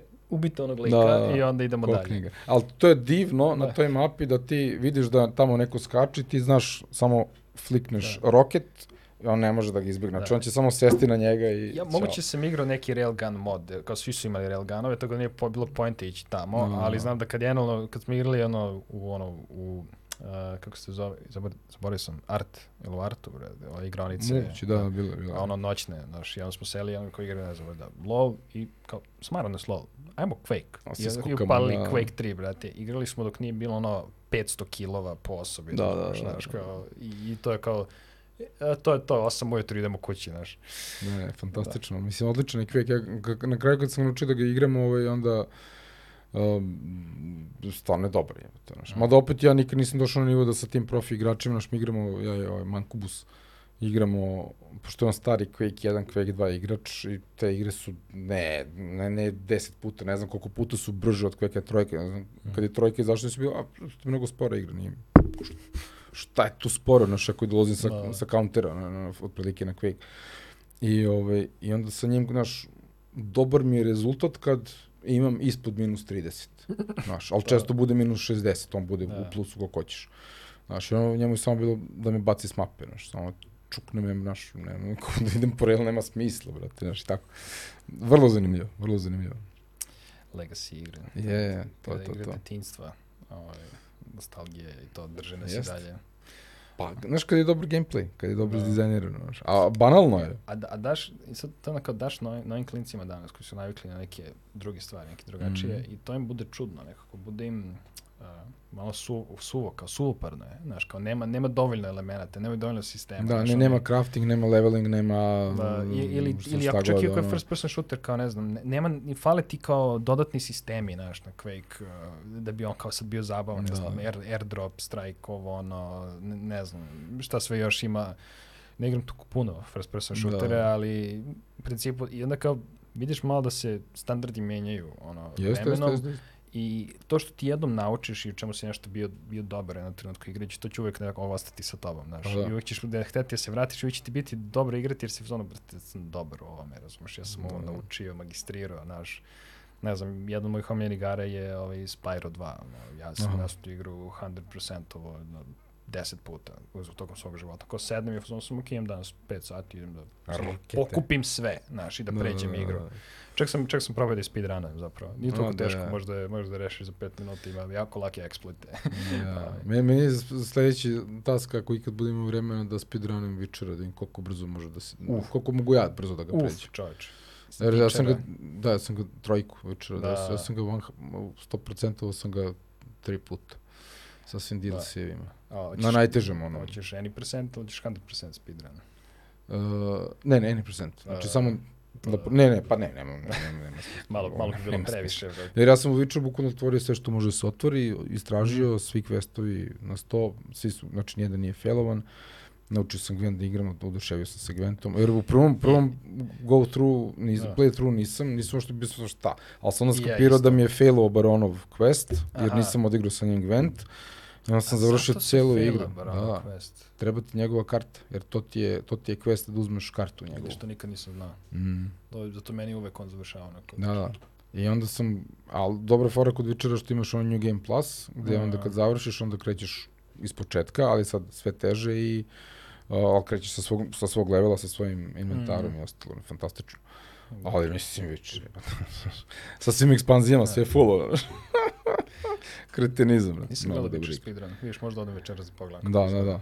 Vero, mislim, postoji sigurno. Da. Dobro, sad smo generalno obradili naširoko ovaj, pristup igrama, težini igranja, Quake, Witcher, šta god, ovaj, nego kaži mi, da li se za pivo? Znam da nisi, ali ja jesam. Ovo otvorit ću Uživaj. dogmicu, da, da, da. Ovaj, e, a dečko car ima za tebe majicu, O, to si vjerovatno već i znao. Ovaj, očekivao sam. da, očekivao si to, to, Javila mi to. koleginica. Tako, tako. I možda sam vidio na podcastu. Jes, jes. Ovaj, e sad ne znam, veličina je L, vidjet ćemo da li ti ovaj, odgovara, ako ti je okej, cool, ako ne, možemo da menjamo, znači, kako god. To ja je majica. Mislim da ti Ja, je L mi je- to okej, je da, okej. da. Ovo je super. Eto, to, to, to, Ako to. ne, potrudit ću se da ispunim, znaš. E, tako da, čuti, ja, ja, Kad sam ja sam ih prepunio sve. Kad sam ušao u industriju, samo rastem, čoveč. Jel da, a? da, Da. da, da. Nema, ne, ne, nema se vremena za, za aktivnosti, ne mora se radi. Ovaj. To jest, želi se da se radi, to je, to je suština. Ne, kaži mi, kakva ti je stolica? E, udobna. Moram priznati. Ovaj, to su. Aeroni. Ovaj, Nitea nam je dala dve stolice da koristimo za podcast. Ovaj, veliki respekt za to. Ovo je stvarno milina, ja čak jednu koristim malo i da radim. Ovaj, tako da, uh, ergonomija ludila, ja se zabodem, zavolim se u nju, bukvalno ovako kao da me prigrli, ono, obožavam to. Da, osjećam na leđima baš onako da je udobna. Da, da, ima Osjećam to i su koji- krive leđa i to, znaš. Nema, nema to, to imaš lumbalnu podršku, vam te na... Sve može se customizuje kako ti odgovara vamo tamo da dotegneš, zategneš, um, uživanje. Ovaj, uh, no dobro, uh, m, speedrun, znači, zadatak za tebe, Witcher 3 speedrun da nađeš neki, dobro, i da mi proslediš link ako nađeš neki dobro. Naravno. Samo najbolji. tako je, tako je, rekord. tako. Inače, našao sam neki sajt, a opet mala digresija, e, našao sam za, sajt, valjda se zove speedrun.com ili tako nešto. Da, to je oficijalni, mislim, sajt. Da, to. I ovaj, onda sam, uh, htio sam da vidim za koliko vremena može da se pređe, do, to jest dok su, šta su ljudi prijavili kao rezultate za Day of the Tentacle i za ovaj meni, kako se zove, Grim Fandango. U, za prvu igru nisam čuo, ali ovo drugu. Da, Day of the sam čuo. Tentacle je LucasArts mm, point and click avantura i ja se sećam da sam igrao to i da sam, mislim da sam tipa za 15 minuta prešao ceo Day of the Tentacle. Ali ono kao prošao si ga. Da, Kao... da, prođeš ga od početka do kraja. Uh, ne sve questu, znači samo Mhm. da završiš igru. Mislim da je bilo nek 12 minuta ili 15 minuta, tako nešto. I Grim Fandango je bio nešto, da li mi je trebalo dva sata ili tako nešto. Posle sam vidio da su ljudi završali da li za sat i pol, za sat 50, tako nešto. Da, I onda sam skinuo, to je skupio sam obe igre Da. i instalirao sam ih i ovaj, sad moram da, pošto sam ih zaboravio potpuno, to sam igrao ono, Da, da. početkom 2000-ih, ovaj, sad moram da ih ponovo pređem, da se setim ovaj, a, šta sve treba da se uredi, da bi se što pre završili, da probam da, da, da logujem rezultat, da, da izađem na toj listi. Yeah. U, ozbiljan poduhvat, moram priznati. Da, nemam vremena za to, ali dobro. Ali treba da dana. pogledaš drugi speedrunnere, da vidiš, pošto postoje tu neke ono, fazoni, ono, ekspliti, da se skipuju neke cut scene i tako, to jer ti to oduzima, u Grim Fandango pogotovo to ti oduzima baš puno vremena. Da, da, I onda seci gde možeš, znaš. da, da, da, da, da, da, da. Da, to ne znam, već, ja znam bukvalno ono kao, davno sam igrao, ne mogu to se se setiti zove više, valjda da. glitchless kategorija, ako, ako ne koristiš nijedan kao exploit. Ne, ne bih, ne bih. Da. Znači onako, gameplay. Da. Mene interesuje koliko uh, je najkraći regularan gameplay. Mhm. To, mi, to mi je bilo interesantno. Koliko možeš da završiš igru, realno. Znači ne, ne da idemo u neku ekstremnu kategoriju, nego jednostavno... Meni je Grim Fandango treba dane da ga reši. Jer sam na kraju morao pu- puko i pogledao walkthrough i bio za ono, znaš kako, bre. Da, da, da. da. Nemam ja vremena za ovo, znaš, Da, kao, da, da, da. sam bio, da sam mlađi, da sam imao malo više slobodnog vremena, kao ajde, ali ono, u ovom trenutku sedim, ništa mi nije intuitivno, lupam glavu u zid. Da, Mora da. sam da ga, mora sam Pa da... dobro, mislim, i to je fair, mislim, zašto bi trošio vreme Da. Ubiješ sebi gameplay. Da, nekad je to bilo prihvatljivo, znaš, nekad su ljudi, kad nije bila internet, mislim, nije bilo toliko stvari na internetu, Da. da. eko, morao si, znaš, bio je dostignuća sada, ono, walkthrough, znaš, kao video klip, znaš, samo da. Da. gledaš, premotaš i kao to je to. Da, da, ima, ima. Bilo je igare koje, gde sam to koristio, jer jednostavno nemam vremena da, bukvalno ne znam šta bih više uradio. Onda na kraju ispostavi se da neka glupost koju sam ili previdio ili sam probao, ali nisam probao na pravi način. Da. Ja, ja imam druga koji u Hotline Miami uspeo da uđe na neki leaderboard, za, za neki segment, za neki level, znači nije celu igru uspeo, ali za neki level je kao uspeo da dođe, ne znam, top 15 ili tako nešto. Nice, nice, nice, nice. Hotline Miami, da ja, odlična igra. Ovaj, dobro, ok, igre na stranu, sve volimo da ih igramo, ali šta radi game designer? to je ono to večito pitanje. Da vidimo da li, Ne. da li možemo da definišemo to. Mislim, to je opet, i pričali smo ofu, to je vrlo, uh, onako, da kažemo individualno od studija do studija, šta će, šta će jedan game designer u jednom studiju da radi. Mm. Zavisi od projekta, zavisi od organizacije studija, od ljudi koji rade i tako dalje. Ovaj, ali evo, iz tvoje perspektive, znači evo, već si neko vreme u toj ulozi, šta podrazumeva ovaj, Da, rad na okej. tome?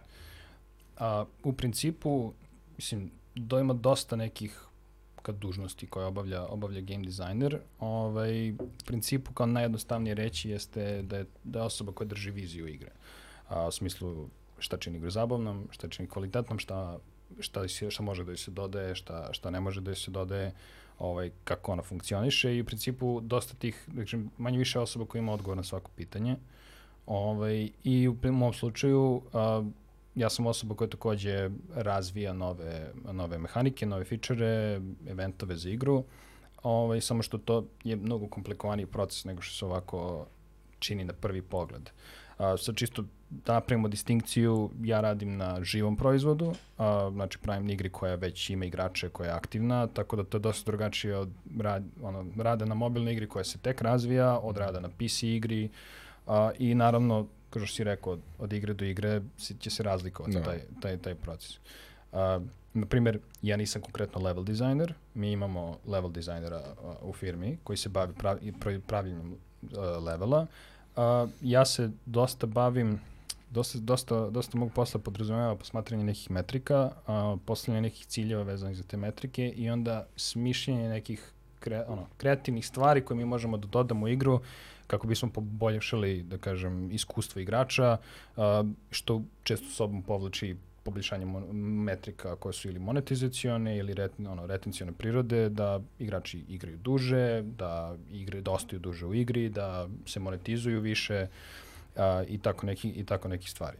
A, I sad što znači proces mogu da prođem kroz neki kao proces To, kako to, to, to, funkcioniše. Sad mi smo u firmi eksperimentisali sa pošto kada tu da se pravi, jeste velika firma, ali a, dosta im je dalje tog startup mentaliteta, relativno je horizontalna što se tiče hijarhije, dalje ti možeš bilo kome da odeš u bilo kom trenutku da pričaš s njima bilo čemu.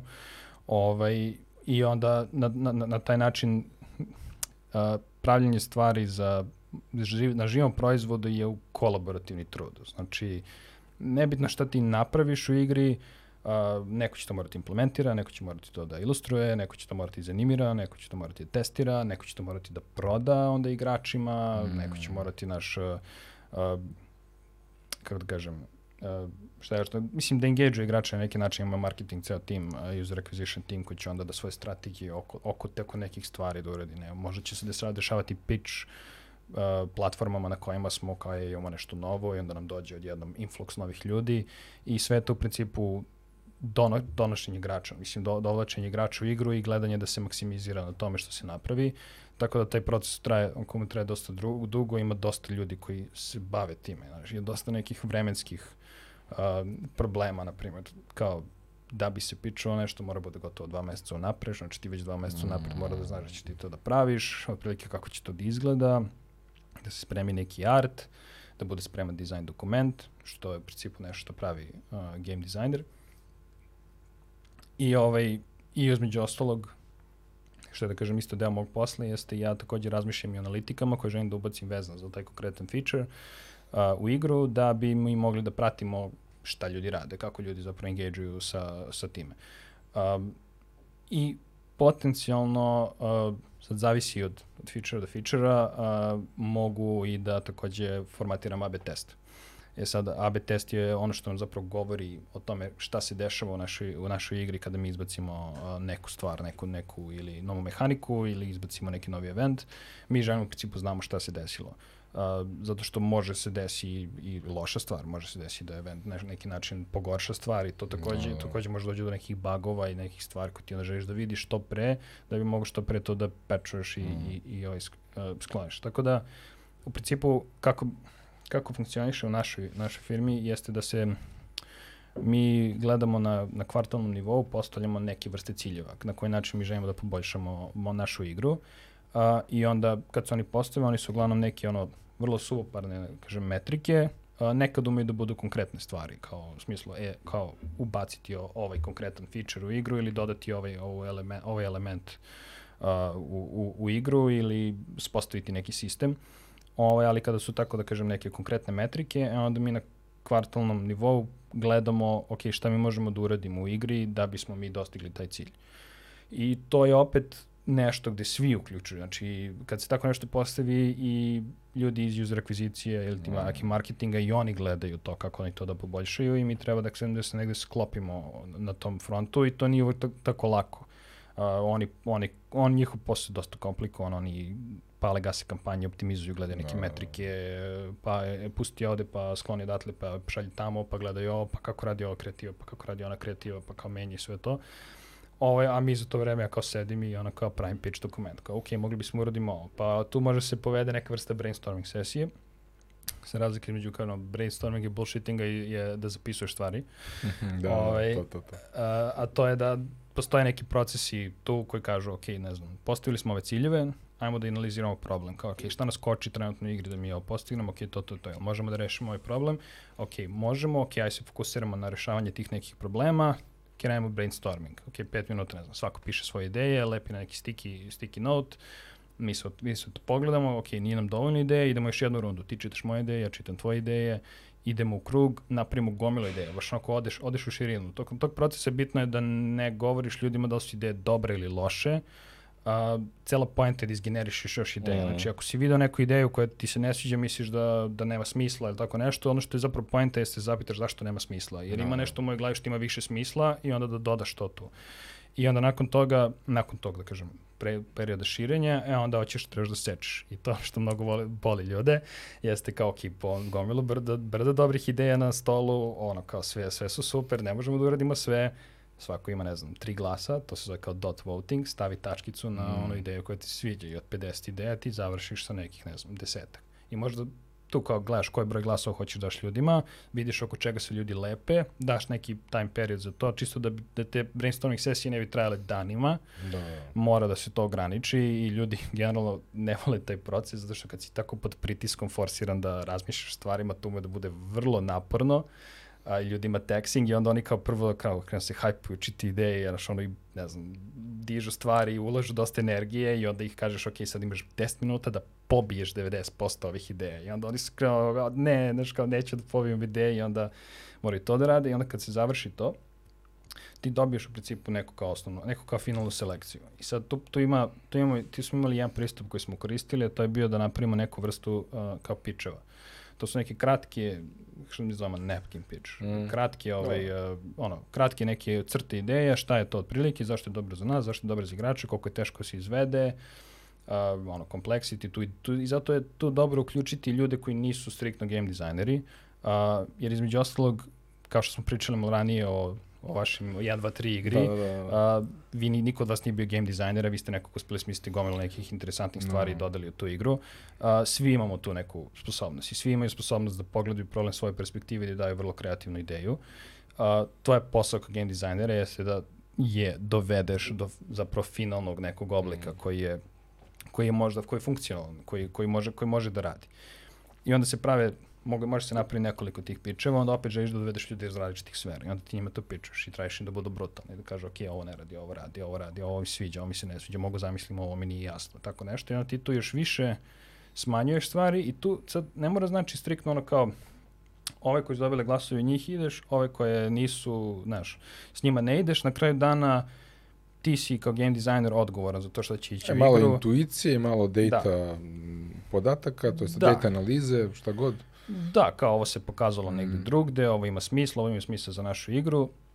Ti si na kraju tog procesa, bukvalno ono, ti si odgovoran. Uh, I ako, ako svi ljudi kažu ne, ti i dalje može kažeš da.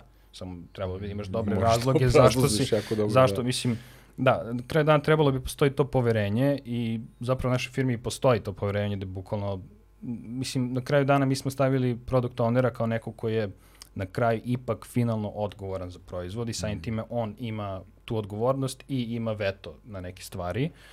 Ovaj, bilo kakvog razloga, ali na primjer ako se svidi tebi kao game dizajneru i ako on ka, PO kaže da je dobro, ok, ide. Nebitno što su gomila ljudi, razumeš, na play sesiji reklo ne. Ti samo trebaš da ima uradiš određenu dozu istraživanja njihovih odgovora, analize i da na kraju sklopiš nešto što radi.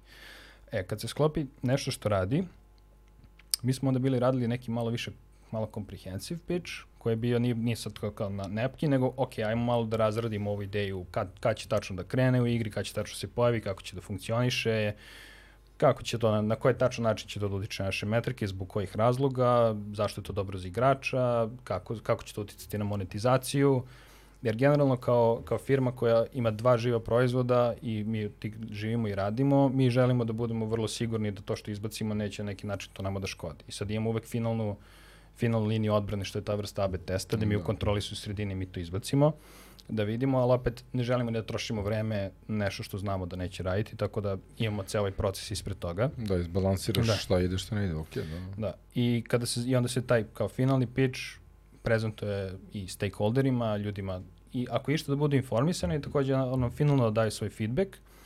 Kad se završi to, ti možeš da uzmeš taj pitch, pogledaš, kažeš, ok, da li neko rekao nešto kritično ovde, da li neko rekao nešto što je što smo mi propustili, ono, baš nam je kao promaklo, iz njihove perspektive to je ono što kao bila katastrofa, pogledaš to još jednom, ako, ako mi i dalje nisi siguran, back to drawing board, iterativno uradi to ponovo, prođi kroz ceo proces, gledaj da to traje, ne znam, dan, dva, uh, i na kraju dana ti ćeš završiti sa, kažem, jednom idejom, jednim pitchom za neki feature koji je svima jasan, ljudi su informisani o tome šta se radi, ljudi su učestvovali u tome, tako da imaju donekle razumevanje i onda nakon toga, Da, svi, svi su ono on the same ball, znači Da. razumemo se, da. da, i na kraju onda možeš da uradiš i bukvalno final sign off, da kažeš, ok, idemo s ovim, i to je to, Mm. znaš, svi smo se složili.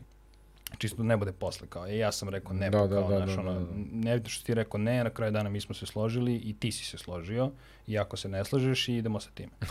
znaš, kao, moraš da, Da, se složiš. da, A, realno, realno. da, jer onda jer suprotno ono gridlocku smo, ne može Tako svako. je, ne kao, možemo da pro, ono, prođemo, da. da. Da, i, ovaj, i onda krene da se pravi, sad tu može nekoliko stvari se radi. Može ili da se direktno u produkciju, u tom slučaju pravi se game design dokument, to može da bude šta god. Znači, e, šta god radi tim, u zavisnosti od veličine fičera, kompleksnosti istog, može da bude ili gomil, ne znam, Excel tabela sa brda teksta, može da bude PowerPoint prezentacija od, ne znam, 13 slajdova, jer je sve vrlo nekako intuitivno jasno, a, može da se postavi u Miro boardu, da ono kao, bukvalno sticky notovi, Da. da. opa, izvino, Mm. a, uma, ti ne, ne, Ne, ne, znam sve, opremu. sve, ne, ne, neću, neću, nego, Da. samo se čuje, to je sve okej. I, ovaj, I kad se to napravi, onda kreće, da kažem, proces uh, pravljenja toga. I to radi tako što se u principu, uh, mislim, tim koji radi na tome, uzme game design dokument, definiše koje su potrebe od arta, koje su potrebe od developmenta, koje su potrebne od uh, technical arta, uh, i onda ako ostalo neka pitanja, onda oni traže da se to definiše dodatno u game design dokumentu. Ne kažem da to uvek tako, nekada krene da se radi bez da se odgovara na sva pitanja, pa kao odgovorit ćemo ih down the line.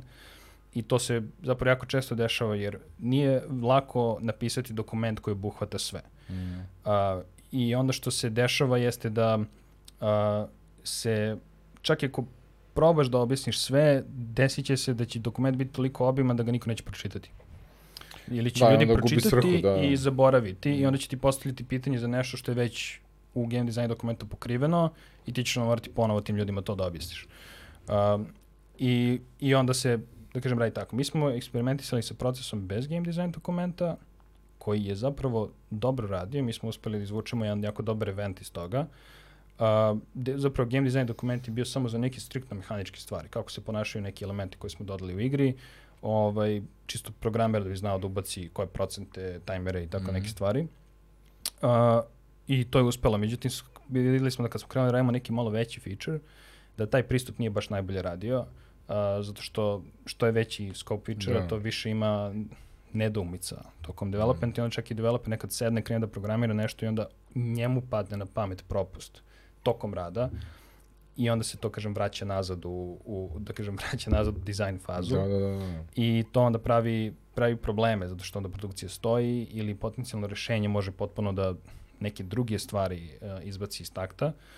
Uh, tako, da, tako da zapravo, kažem, taj pristup su skapirali da je dobar samo za neke sitne stvari, ne, znaš, i onda jer tu ne možeš da gubiš vreme da čekaju ljudi jako Da, dugo, da, ako da. svima već jasno šta treba da se uradi. A, ali, na primjer, za te, uh, sa, sada se, kažem, to smo radili prošle godine, ovaj, sada se vraćamo malo na taj pristup gde gledamo da dizajn bude gotov, onako i vrlo dobro podrobno testiran uh, dizajn dokument pre ovaj, nego što krene development. Uh, a naravno sve opet počinje od nekog vrsta, od neke vrste kao inicijalnog dogovora šta mi radimo. Uh, to je taj kao, ok, ova metrika, znači i onda kao mi postavljamo dizajn ciljeve, ok, želimo to i to, želimo da ljudi ostaju duže u igri, želimo novi igrači da se osjećaju bolje, želimo stari igrači da se osjećaju bolje i da imaju bolji progression, ljudi da su se, ili su ljudi su se žalili Da, na ovo, nešto, da. ajmo to da popravimo, da im damo nešto interesantno i ovaj, i to se, taj, kažem, inicijalni dokument stakeholderima, stakeholderi onda to challenge-uju, kažu, ok, kako ćemo mi to da merimo, onda se tu razmišlja o tome, data analyst im uleće, kaže, ok, mi možemo postaviti ovu analitiku, da izmerimo sve ovo, da znamo, na primjer, da ako ciljamo, ne znam, neki endgame usere, mi sad ne možemo čekamo novi useri da provedu šest Dok meseci dođu, u da, igri, da. nego moramo da imamo neke druge alate da mi znamo šta se tu tačno dešava i to je u principu njihov zadatak. Ono. I onda oni postave cilj koji oni znaju da mogu da mere, mi oko tih ciljeva formiramo dizajn uh, design goal, goals ili ti dizajn Mhm. ciljeve, kao Ciljeve, ok, želimo da, postavimo to i to i idemo, ovaj, i onda kao uradi se neka vrsta vrlo grube procene uh, koliko će to da traje. I to se onda pokaže svim stakeholderima, ono, CEO-u, uh, CPO-u, leadovima, i oni to pogledaju, challenge uglavnom metrike, neka challenge možda i dizajn ciljeve, ali ne toliko često, razmisle o skopu, o trošku, koliko će to da, da, da nas košta i na kraju kažu ok, može. I kad to kažu, to je to. Oni u principu ne moraju više da se pitaju i ne moraju da se interesuju, mogu ako hoće, Da, da, naravno, naravno. ali to je to. I onda mi ulazimo u kreativan proces, pravimo dizajn dokument, uh, testiramo ga, uh, pošto imamo igru koja je 2D uh, i dosta stvari o nekim kao pop-upima, mi možemo to da simuliramo preko klikabilnog prototipa, to je ono Mhm. Figma, Adobe XD Da.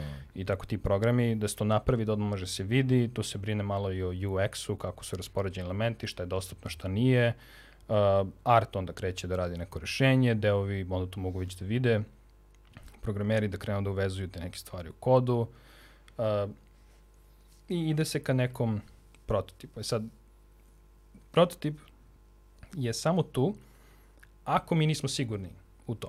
Znači, Mhm. ako želimo nešto da testiramo. Ako je neka možda nova mehanika koja je po Da. standardnog principa, da vidiš da li to radi. Da, jer ako želimo vidimo da li je zabavna i onda ne Mm. možemo, teško je tebi kao dizajneru u startu bez da ti zapravo odigraš igru da znaš da će neka mehanika biti Mm. zabavna i onda za to, na primjer, želiš da napraviš prototip da vidiš kako to menja level. Ali ako je u pitanju neka vrsta, ne znam, meta eventa ili neka vrsta progresije u igru, neki reward tracka, mislim, to može se vidi manje više iz ovoga i onda može Da. direktno da ide u produkciju. I onda stoji u produkciji dok nije spreman prvi, da kažem, neki playable za testiranje, to, še, to se šalje uh, QA testeru koji on to, to proverava.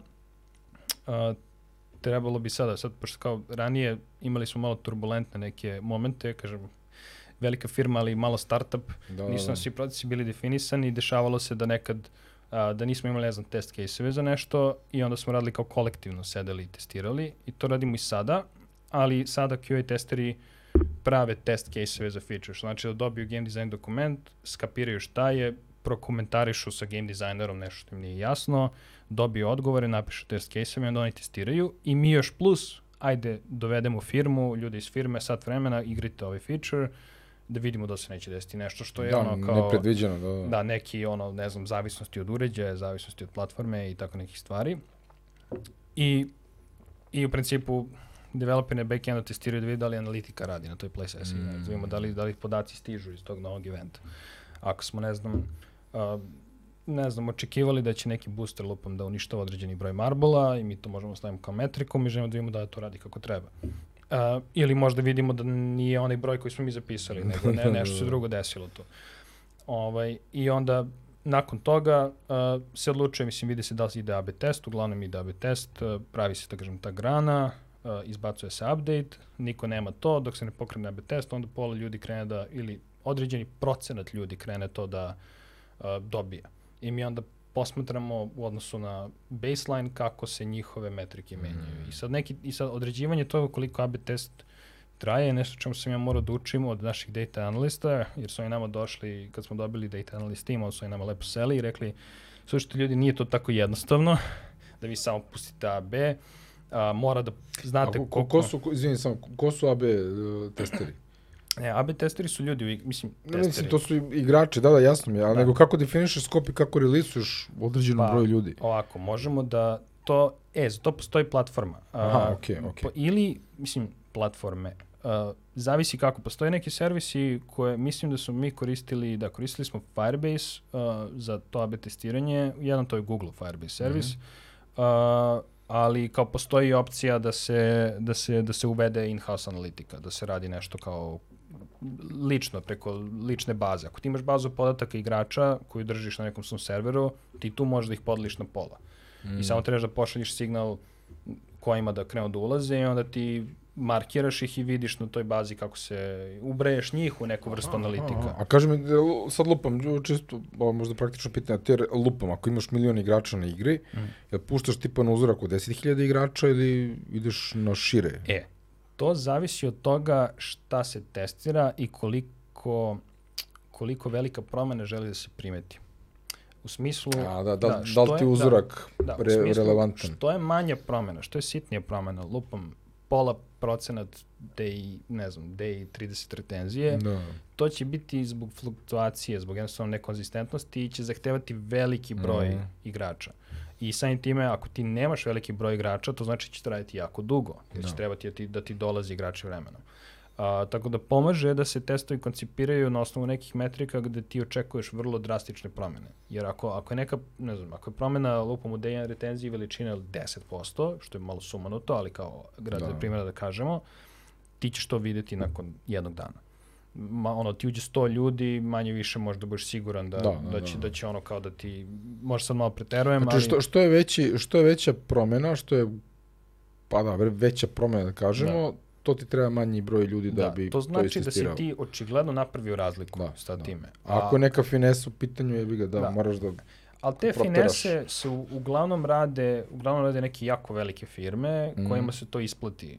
Um, smislu, ne znam, Facebook, kao ako izbaci, ako Aha, pomeri dugme inkrementalno, ono desno- malo, u stvari čak ni... Pa ne, ako oni hoće pomere dugme desno i da vide da će da im skoči neki click-through rate Mm. ili engagement za pola posto, jer oni su već, da kažem, na toliko nekom vrhu optimizacije da samo gledaju gure to, njima trebaju jako dugi testovi Da. i ogromni ljudi, ali oni imaju ogromnu bazu ljudi, Da, tako da oni mogu, mogu to da, da rade. priušte, da. Da, tako da mi u principu bismo gledali da, da vidimo, da izaberemo metriku koju možemo lepo da pratimo i koju možemo lepo da testiramo i da je, da onda postavimo test tako da traje neko razumno vreme, da traje par nedelja ili, ili tako Mm. nešto. Jer mi želimo zapravo ultimativno da ako to dobro pustimo igračima da, da, se, da, da igraju, da engageuju s tim featureom i da e, ono, overall naša igra postane, postane bolja. A, ono što treba se pazi tu a, jeste da nisu sve metrike, a, da kažemo ono, dobre, da nije da slepo ciljaš neku metriku, Mhm. A, zato što to može da ima posljedice neke druge Na neke druge, da. Malo mora holistički da se gleda to i to isto biznis analisti dosta dobro a, znaju da rade, a to je a, na primjer kao, ok, ajde kažemo, hoćemo da ugrbimo što više monetizacije, što ranije, da bi se što play isplatili neke, ne, neke naše, ono kao, ti igrači koji da kažu dolaze, investicije, ajmo mi da stavimo njima što pre neku, neki offer da kupe i onda skapiraš da tim ubio retenziju i da jednostavno sada Mm. dobio si kao neki novac, ali novac koji bi ti dobio od igrača koji je mesec dana u tvojoj igri bi potencijalno tokom dužine života bio Da, veći. Veći, da. I to je takozvani LTV ili ti lifetime Mhm. value, value igrača. I zbog toga da kao, to, to te sprečava da budeš ono kao potpuno, ono, potpuno mahnito, ali da ideš i da sad kao samo o, teraš ljude da plate i šta već da, ne. da, da, da, da. A, manje više te tera da napraviš dobru igru koja, koja će da bude zabavna. A, pre, pre svega i onda će tek posle da, računar da će posle da se monetizuje. Mm. I mi smo dosta istraživali na tu temu ovaj, i generalno ima, ima i članak neto koji baš gleda to, to je izazovi toga, nekako kada si samo profit oriented a, i hoćeš tu kao fast return, dešava se često da to što god uradiš se desi u nekom uh, kao, u, bum, skočio neki, kao, skočila da, neka da, da. metrika, on samo padne. I, I kao, i to je to, znaš, i onda se vrati neki status quo. Uh, I ovaj, a skapiraš da igre koje imaju taj pristup da, razumeš, razmišljaju na duge staze, na dva meseca, tri meseca, 300 dana u igri, ovaj, da one imaju ono growth, kako njima raste baza igrača, tako njima zapravo raste revenue. A ovde se desi da ono kao, ne znam, raste ti baza igrača, ali ne raste ti revenju, znaš, jer nekako gomela njih koji dolaze sad zavisi od kvaliteta, koga si ti da, platio, da. odakle ta osoba, da li je ona prevashodno želi da plati ili ne. Ako guraš sve na početak, nećeš imati taj efekat, ali ako napraviš dobru igru, neko ko je potpuno non-payer i ono, uživo u toj igri 300 dana, da što da ne, mislim, za 300 dana Utrošio da Utrošio sam toliko vremena, što da. ne bih platio da rešim stvar koju mi je nerešiva, hoću da nastavim da igram, ali ne mogu da rešim. Sada sam u igri toliko daleko. Moj investment je ogroman, da. da. I realno dobio sam 300 dana igranja iz ove igre, šta fali da je dam, ne znam, 50 dolara, znaš kao. I onda daju 50 dolara i onda potencijalno daju još 50 dolara, da, da. znaš, ono, kasnije. I, ovaj, I na taj način ti zapravo uspeš, onda ga isplatiš. Jedino što možeš da razmišljaš o tome i da nekako veruješ u svoju igru, da će ona biti zabavna i kasnije, znaš, da ne bude ono samo kao ajde želimo da uzmemo sve sada da, da on je platio i da li će sad to plaćanje posle 300 dana da mu ubije challenge ili neće. I, i, i, ima i to. Da. Mislim, i takođe, da li ta kupovina koja se stavila na sam početak, toliko mm. rano u igri, da li ona zapravo doprinala igri, da li je igra zabavnija kao posljedica da, da, toga da, da. ili nije. A, možda je naš možda igrač u tom trenutku nekako preokupiran učenju u igri i navikavanju na stvari, da će ili ignorisati kupovinu ili ako je kupi neće, neće uopšte videti value u njoj tako, nekako. Tako, da. A, jer ima i ljudi koji jednostavno kupuju ono, šta god, znaš, ono, mm. ili ko po defaultu uđe u igru i kao je daj mi starter pack, da, nešto, kao to je da. uvek dobar deal. Ovaj, I onda kao da li taj starter pack zapravo njima da, daje value, da li oni vide value u tome ili su ga kupili onako iz navike, što je kao okej, okay, dobili smo neki novac, ali potencijalno ta osoba ako vidi value u tom starter packu kasnije, potencijalno će vidjeti value u nekom drugom packu, onda će mm. hteti da kupi, kupi, kupi još kasnije u igri.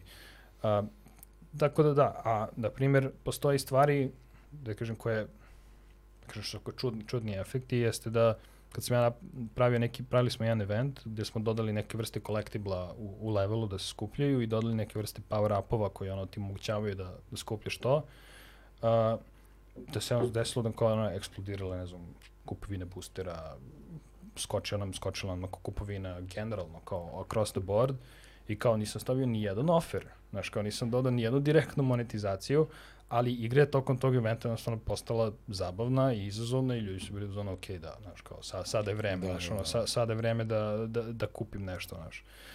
Ovaj, a onda smo imali potencijalno drugi efekt gde smo imali event koji izgledao kao da je do jaja, ali onda kao neko dublje istraživanje nam je pokazalo neku vrstu dugoročne kanibalizacije kao puštanje no. tog eventa, kao nešto smo dali previše, nismo baš dobro promislili šta će ovo da uradi našoj ekonomiji, i kao generalno kao počeo da nam pada revenue. I sad to je, da. to je kao, ok, to je možda super bilo za igrača, ali ono kao mi smo firma koja ima dosta ljudi i kao, da.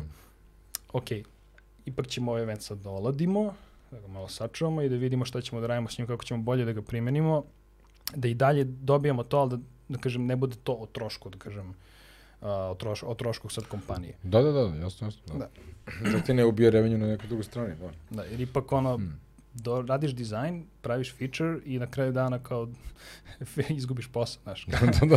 Šta smo radili, vrate, da. ništa, da. da. I ad monetizacija tu isto igra veliku ulogu. Mislim, ekonomija, dosta, ono, ad monetizacija može da, da se utiče na ekonomiju, bilo života, bilo uh, in, da. hard currency-a, bilo neke vrste prelazaka levela i tako to, što je uvek opcija uh, zemljama koje manje mogu da, uh, da troše i od tih se isto dobija neki, ono, steady, mislim, re, da. relativno stabilan izvor, izvor novca i, i tu opet u pozadini ima komplikacija o tome koja, koja mreža dovodi šta, kakve reklame dovode, mm. Uh, onda oni gledaju metrike, postoje reklame koje ti odlače ljude, znaš, koji gde ono kao prođe reklama, ti dobiješ novac, ali taj lik se više nikad ne vrati, znaš. Da, da, da. I onda ti sad moraš i da razmišljaš i o tome. Uh, tako da vrlo je kompetitivna industrija uh, i samim time ako, mora, svi se onako trude da one-upuju jedni, jedni drugog i onda mora da se, kažem, pazi na tako neke, uh, neke stvari.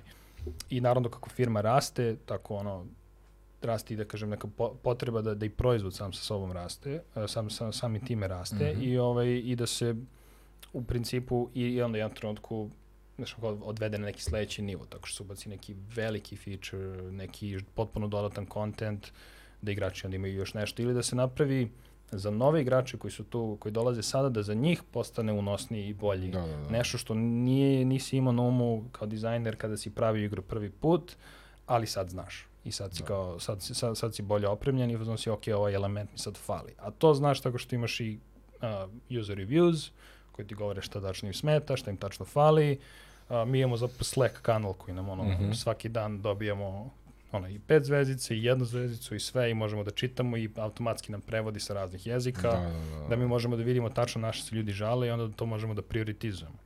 I opet, kažem, igre ima dosta i bagova i tako nekih stvari i onda mora se balansirati između toga, ok, kao čistimo igru, pravimo neke stvari bolje, dodajemo nove feature, dodajemo nove eventove i nekad se neke stvari jednostavno moraju se deprioritizuju.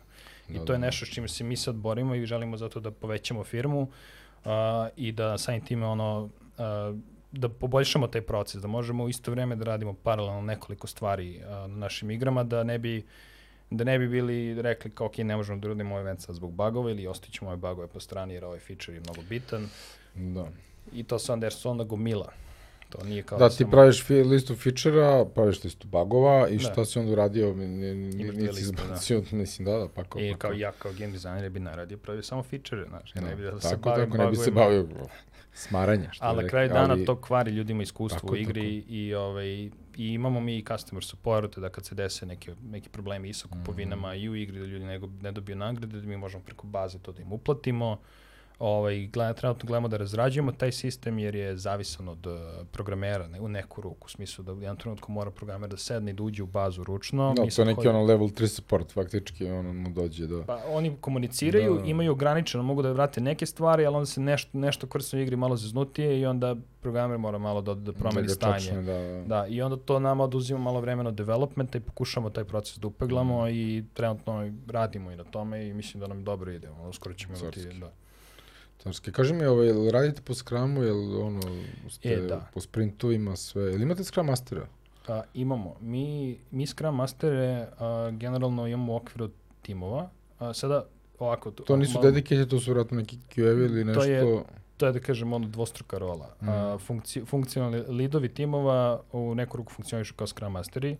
Ovaj, I takođe, pošto mi imamo nekoliko timova u kompaniji koji rade različitim proizvodima, ovaj, nekako kao da svakom timu postoji neka svoja neki svoj pristup tome. Da, nije ni ono kao striktno definisani Scrum, da. nego šta radi, ono, šta, šta radi za vaš tim, šta vaš tim mu pomaže da vi dostignete, odnosno da ispunite uslove. Uh, konkretno tim u kome sam ja radio je dosta dugo imao kao neku standardu, mi dobijemo brief u ponedeljak, u briefu piše onako vrlo ukratko šta treba se uradi, šta je success kriterije za sprint, šta je cilj, mi onda sednemo, kažemo ok, imamo nakon toga planning, isplaniramo ceo to je planiranje, imamo, isplaniramo ceo, da kažem, sve taskove za taj sprint, uradimo na Jiri, imamo neku, naš, naš programer je automatizovao Jiru, ima neki svoj custom, custom pristup tome, imamo automatski taskovi idu, ne znam, u feedback, idu u QA, mm. idu, idu ovaj, vraćaju se u dev, bloki, blokirani su strane ovog ili onog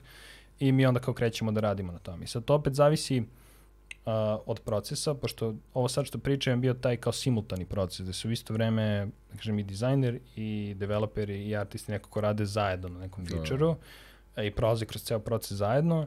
Ovaj, malo drugačije radi u timovima koji imaju prvo ono game design first, uh, pa onda posle, jer onda game designeri imaju neke taskove nedelju dana ili dve nedelje napred, napred da, da, nove, da. da, bi, da bi mogao da bude spreman dokument uh, na vreme. I onda se, da, da kažem, to onako malo teško pratiti, produkt mora da da, da barata, da zna tačno ono kada će šta da stigne, ovo ono, i da dobro, dobro hendla ovaj, da kažem, inpute sa, sa strane drugih timova.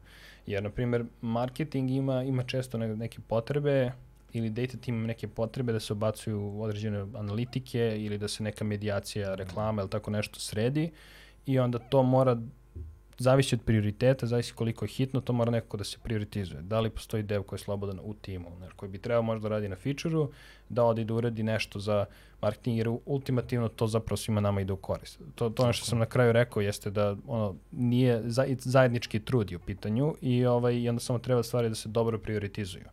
I jednostavno da vidimo da li imamo kapacitete i da li nam treba još ljudi da bismo mi te kapacitete ovaj, uspeli da ispunimo. Tako da Da, ne, mislim, dešavalo se i da smo failali sprintove i imali smo, imamo retrospektivu uvek na kraju sprinta, prvo ide review, onda ide retrospektiva, pa mi tu stavimo action pointove za sledeći sprint, mm -hmm. da vidimo neke stvari poboljšamo, uradimo bolje i ovaj, Tako da, da, mo, znači... Jel vam kažem da vam retro vodi Scrum Master ili da. sam tim? Da, retro znači, vodi okay, Scrum Master. To, to, super, uh, da, imamo, imamo neki proces, uh, mislim da imamo prvo, da highlightamo prvo kao šta mislimo su bili problemi, onako mm. samo da ljudi izbaci to iz sebe. Uh, nakon toga imamo onu start-stop uh, uh -huh. continue metodologiju i onda kad pogledamo sve to, prodiskutujemo i izvučemo action pointove i šta bismo mogli da uradimo na sledećem, sledećem sprintu da bi to bilo bolje. Da, dobro, standardno, da, da. super, super, da. To je da. I, ovaj, I onda to gledamo da uključimo u sledeći brief.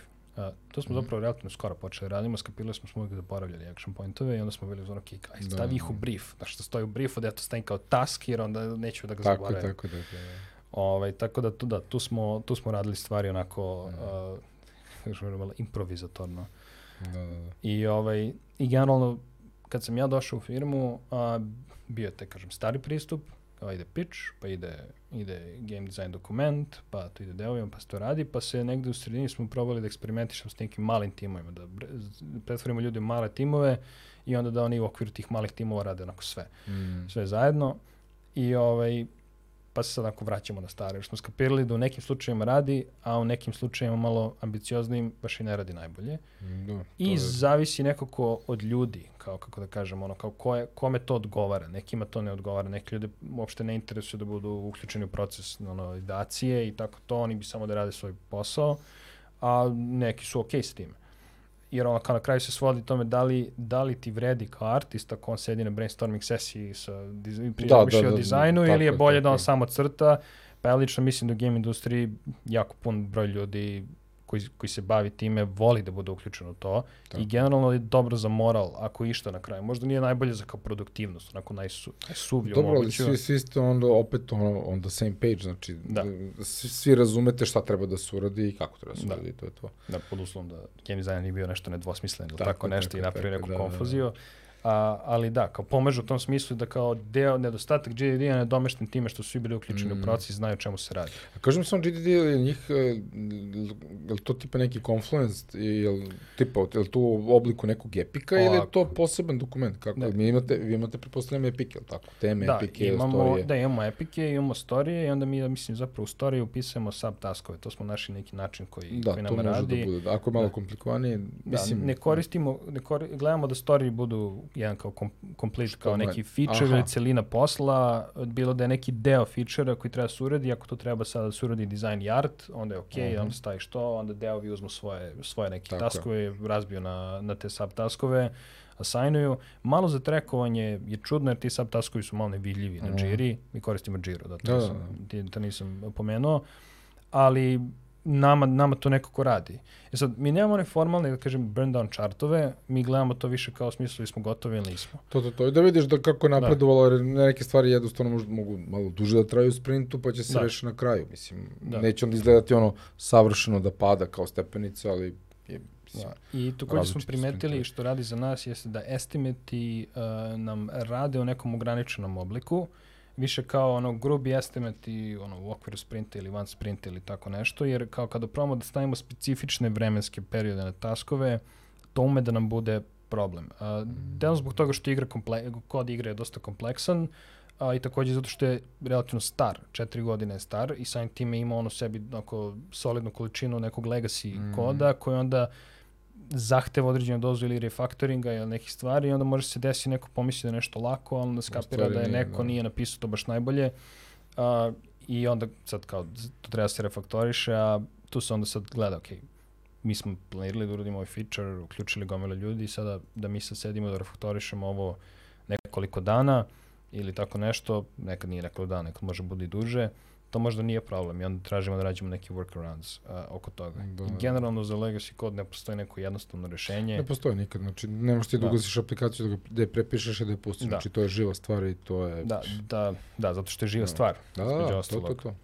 Tako da to je, da kažem, ono, neki izazovi koji Mhm. na kraju, kraju sedneš, kao potencijalno ti kao game designer isto možeš da pomogneš tu, tako što sedneš i kažeš, ok, Da. ako zna, i, i zato pomaže da game dizajneri imaju neko generalno znanje uh, drugih disciplina, jer tu onda možda predložiš neke ono, samo, samo zato što znaš način na koji si ti razmišljao dok si programirao, kao može neki, ne znam, hack, ili može nešto da se fejkuje, ili može da se naš, ono, da probamo da neki način zaobiđemo ovo, ili kao, kao je kompromitovat ću dizajn da ovo neće baš da ima ovaj kompleksan sistem iz sebe, nego će bude malo onako šarenilo, Mhm. da se čini tako, a da da i dalje funkcioniše, efekat, da, da. i dalje funkcioniše u gameplayu malo da bude naštelano, čisto zato što nismo mogli cijeli sistem implementiramo i da ga vežemo za ovo jer je kao nevezivo, znaš. Mm. Ovaj, tako da, da tu mogu se praviti i kompromisi dizajna. Sad znam da neki di, i dizajneri umeju da budu nekompromitni, da to mora tako i ovo ono, ali realnost je, mislim, to je možda čak i dobro na novim, kad praviš nove projekte, kada, kada lansiraš nešto iz početka, onda je Da. okej biti, uh, biti temeljan, ali mi, pošto imamo živu igru, nekako nemamo taj luksuz. I u principu mi onda bismo morali, mi moramo da investiramo, uh, kažem, ljude koji bi na tome radili i popravljali to vrlo pažljivo, zato što, ono kao, sve što ti refaktorišeš mora da testiraš i da testiraš Da, i da, da da. testiraš. I to onda kao, nekako je, nekad, nekad, nekad je bolje da samo u startu, Neka ga, da. u startu prikažeš nekom neku ideju da ti on odmah kaže jel to može ili ne može. A, barem što se tiče rada na, na, na, na, na živom proizvodu. Ili da kaže, ok, može, ali 8 meseci rada. Ja ti uzmano, pa znači ne može. Da, realno, da, da, da, ne, da, ne da, može. Ovaj, moramo nešto kao onda, ok, ajmo jednostavnije, ajmo neku ono, malo manje ambicioznu ideju da ubacimo, a da probamo da ostvarimo isti impakt. I tu su onda baš onako kreativni mišići. kreativa baš, da, da. da, da skapiraš da si ograničen okruženjem, a, ograničen si situacijom u igri i da vidiš šta možeš da uradiš u tom, u tom kontekstu, nađeš neka dizajn rešenja. A, jer to na kraju moraš ti kao game dizajner da nađeš. Da, da, realno. To je, to je ultimativni posao. I ovaj, da, a što se tiče, pitao si me za ovu dokumentaciju, a, pa ka, rekao sam, može bude bukvalno šta god. Znači, bilo, bilo da je Word dokument od 58 strana, koji je sam pun teksta i nema slika i ne, i ne iz nekog razloga ljudi to vole, a, ili može da bude, da kažem, interaktivni neki kao prototip koji ima neke highlighted tooltipove, neke tako stvari, može bude PowerPoint prezentacija, može bude flowchart, zapravo flowchartovi su često delovi GDD-a da, da objasne ljudima, ali nekad dešavalo se u programu da će kaže da ti meni je flo- flowchart ništa ne znači, kao napiši mi, razumeš lepo šta hoćeš, kao korak po korak i kao to je to, znaš, mrzim me gledamo ovaj kao veliki flowchart ili tako nešto. Ili kao, ok, mi je ovaj flowchart, ali baci mi slike, kao ću vidim kao slike, razumeš, kao odakle ide šta, znaš, i onda ti kao, ok, uradit ću šta god, zato što je poenta da tebi bude jasno. Tako je, tako je, tako je. Um, I to je zapravo i cela, cela svrha iza GDD-a, komunikacija. Mhm. Ako GDD ne uspe da iskomunicira ono što treba, onda ga nisi dobro napisao. Ali nije nužno zbog tvoje krivice, nego je zbog toga što nisi uračunao ljude oko sebe. Koji zaista treba da rade da, na tome. koji, koji da. zaista treba rade na tome. I onda ćeš morati da trošiš vreme da usmeno ljudima Mm. objašnjavaš uh, i ono što je, da kažem, kod GDD je isto još jedna paklena stvar, jeste što je to živi dokument, što znači da ako ti sutra predomisliš ili skapiraš nešto pogrešno, mora se vratiš, da ga prepišeš i što više teksta si ti napisao u startu, to ćeš više morati da, da, da refaktorišeš. Uh, mislim da mi je kolega rekao, kaže, napiši GDD i onda gledaj što te ljudi pitaju. I samo dodaj ono što te pita pet ljudi. Isto pitanje. Ako ti pet ljudi postavi isto pitanje, znači treba si napišeš Nešto, tamo, da. znaš. Da, Ako ti neko, da- neko postoji neko ono ezoterično čudno pitanje, ne, nemoj dodaš u GD. Ako, ali ako pet ljudi postoji to pitanje, e onda stavi, objasni to, dodaj stavku u GD i reci, ok, ovo radi ovako. Da, da, da. ima smisla, ima smisla. Jer na da. kraju dana i ti kao game designer ulažeš vreme da se napiše taj GDD Mhm. i ako ti uložiš mesec vremena u to, mislim, ono, šta će ovi ljudi da rade za to, znaš, ono, za Da, to da, vreme. da, tako, je, tako je. A, tako da trebaš da ga napišeš u nekom relativno brzom roku. To može da bude, na primjer, jedan sprint. Da imaš taj sprint ispred njih, dok oni rade nešto drugo, da ti napišeš to da to bude gotovo dve nedelje. Mhm. A, I kad kažem ne ono da ga počneš u početku sprinta i završiš na kraju, nego da ga završiš negde na sredini, pokažeš ljudima, vidiš da je Da se na mestu. da bude spremno za sledeći Da, sprint. testira se, ti možeš slobodno da uhvatiš te ljude u ono sat vremena, dva, aj pročitaj to, podvi- podvucite mi šta vam nije jasno, šta vam fali, i mislite da bi trebao prototip, clickable prototip, ok, napravimo clickable prototip, i mislite da treba flowchart, da ne, ok, dodaću i flowchart, staviš sve tu dokument, i na kraju dana kad oni dobiju taj dokument, onda će oni lepo da sednu, kad budu radili planiranje, prođu kroz ceo dokument, vide, onda oni odluče kako oni hoće to da, da parcijalizuju. Ok, ovaj sistem, ovaj sistem, ovaj sistem, mi ćemo to implementiramo. Art lista, art, artisti krenu da popisuju listu aseta koji im sve trebaju. Tek artistu može doleti da pomogne, koji radi se na ovoj sceni, ova scena ima sve ove elemente, ovi su animirani, ovi nisu, ok, sve se to popiše, onda oni krenu da rade i ti u principu kao ono, sediš i najboljem slučaju ne radiš ništa, šajs, Da. uvek radiš Ne, nešto. uvijek nešto, da, da, ali gledaš kako Da. se Da. odvija proces definisan GDD-em. Da. da. I onda, dobro, kaži mi samo, to, to, to pokušam samo da shvatim vezu, uh, pošto GDD mi zaista deluje kao jedan epik koji bi se vodio negde na nekom konfluensu ili ne kako na Džiri u stvari. epike, možda ako mi kažeš Na to. Džiri u stvari, izvini, na Džiri bi se vodio kao Da. epik.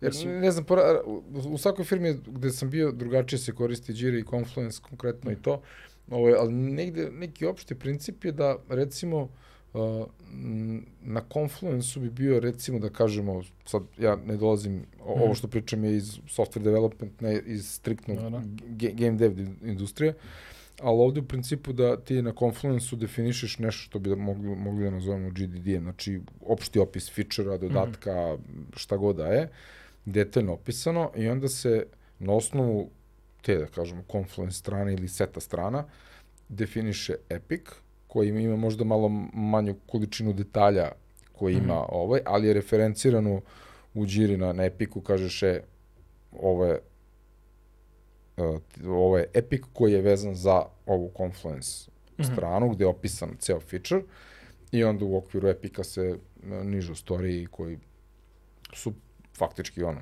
e- action tasks za, za, za Pazi, to. U principu, ako služi istoj svrsi, onda je efektivno jeste dizajn Da. dokument. Mislim, to je tehnički dizajn dokument, samo Da. da. dodaš G ispred ako je u pitanju igra, znaš, kao Da, da, da, pa da, da, to, dokument. to, to. Ovaj, I možeš, mislim, i mi tako generalno Epic je kad pravimo to su to kao, prvo se u principu napravi Epic u smislu neki roadmap i kao, ok, Mhm. radimo ovaj feature. I onda se na to nakači, mislim, nakači GDD, Da. ali on se više, držimo ga nekoj našoj lokalnoj dokumentaciji. E pa to je to pitanje, ok, to je znači o- vaš fazon, fazon, Da. pratite taj game design dokument koji je faktički suština bilo čega što, se pravi u Da, gamingu da. ovaj, za, za video igre i dobro, on je uvek alfa i omega, ali da, ok, dobro, sad pokušam da napravim para, paralelu između standardnog ovaj, software developmenta i game developmenta. Da, Da. Nikad nisam radio software development, onda je malo teško da napravim, da, da, da. uh, napravim tu paralelu.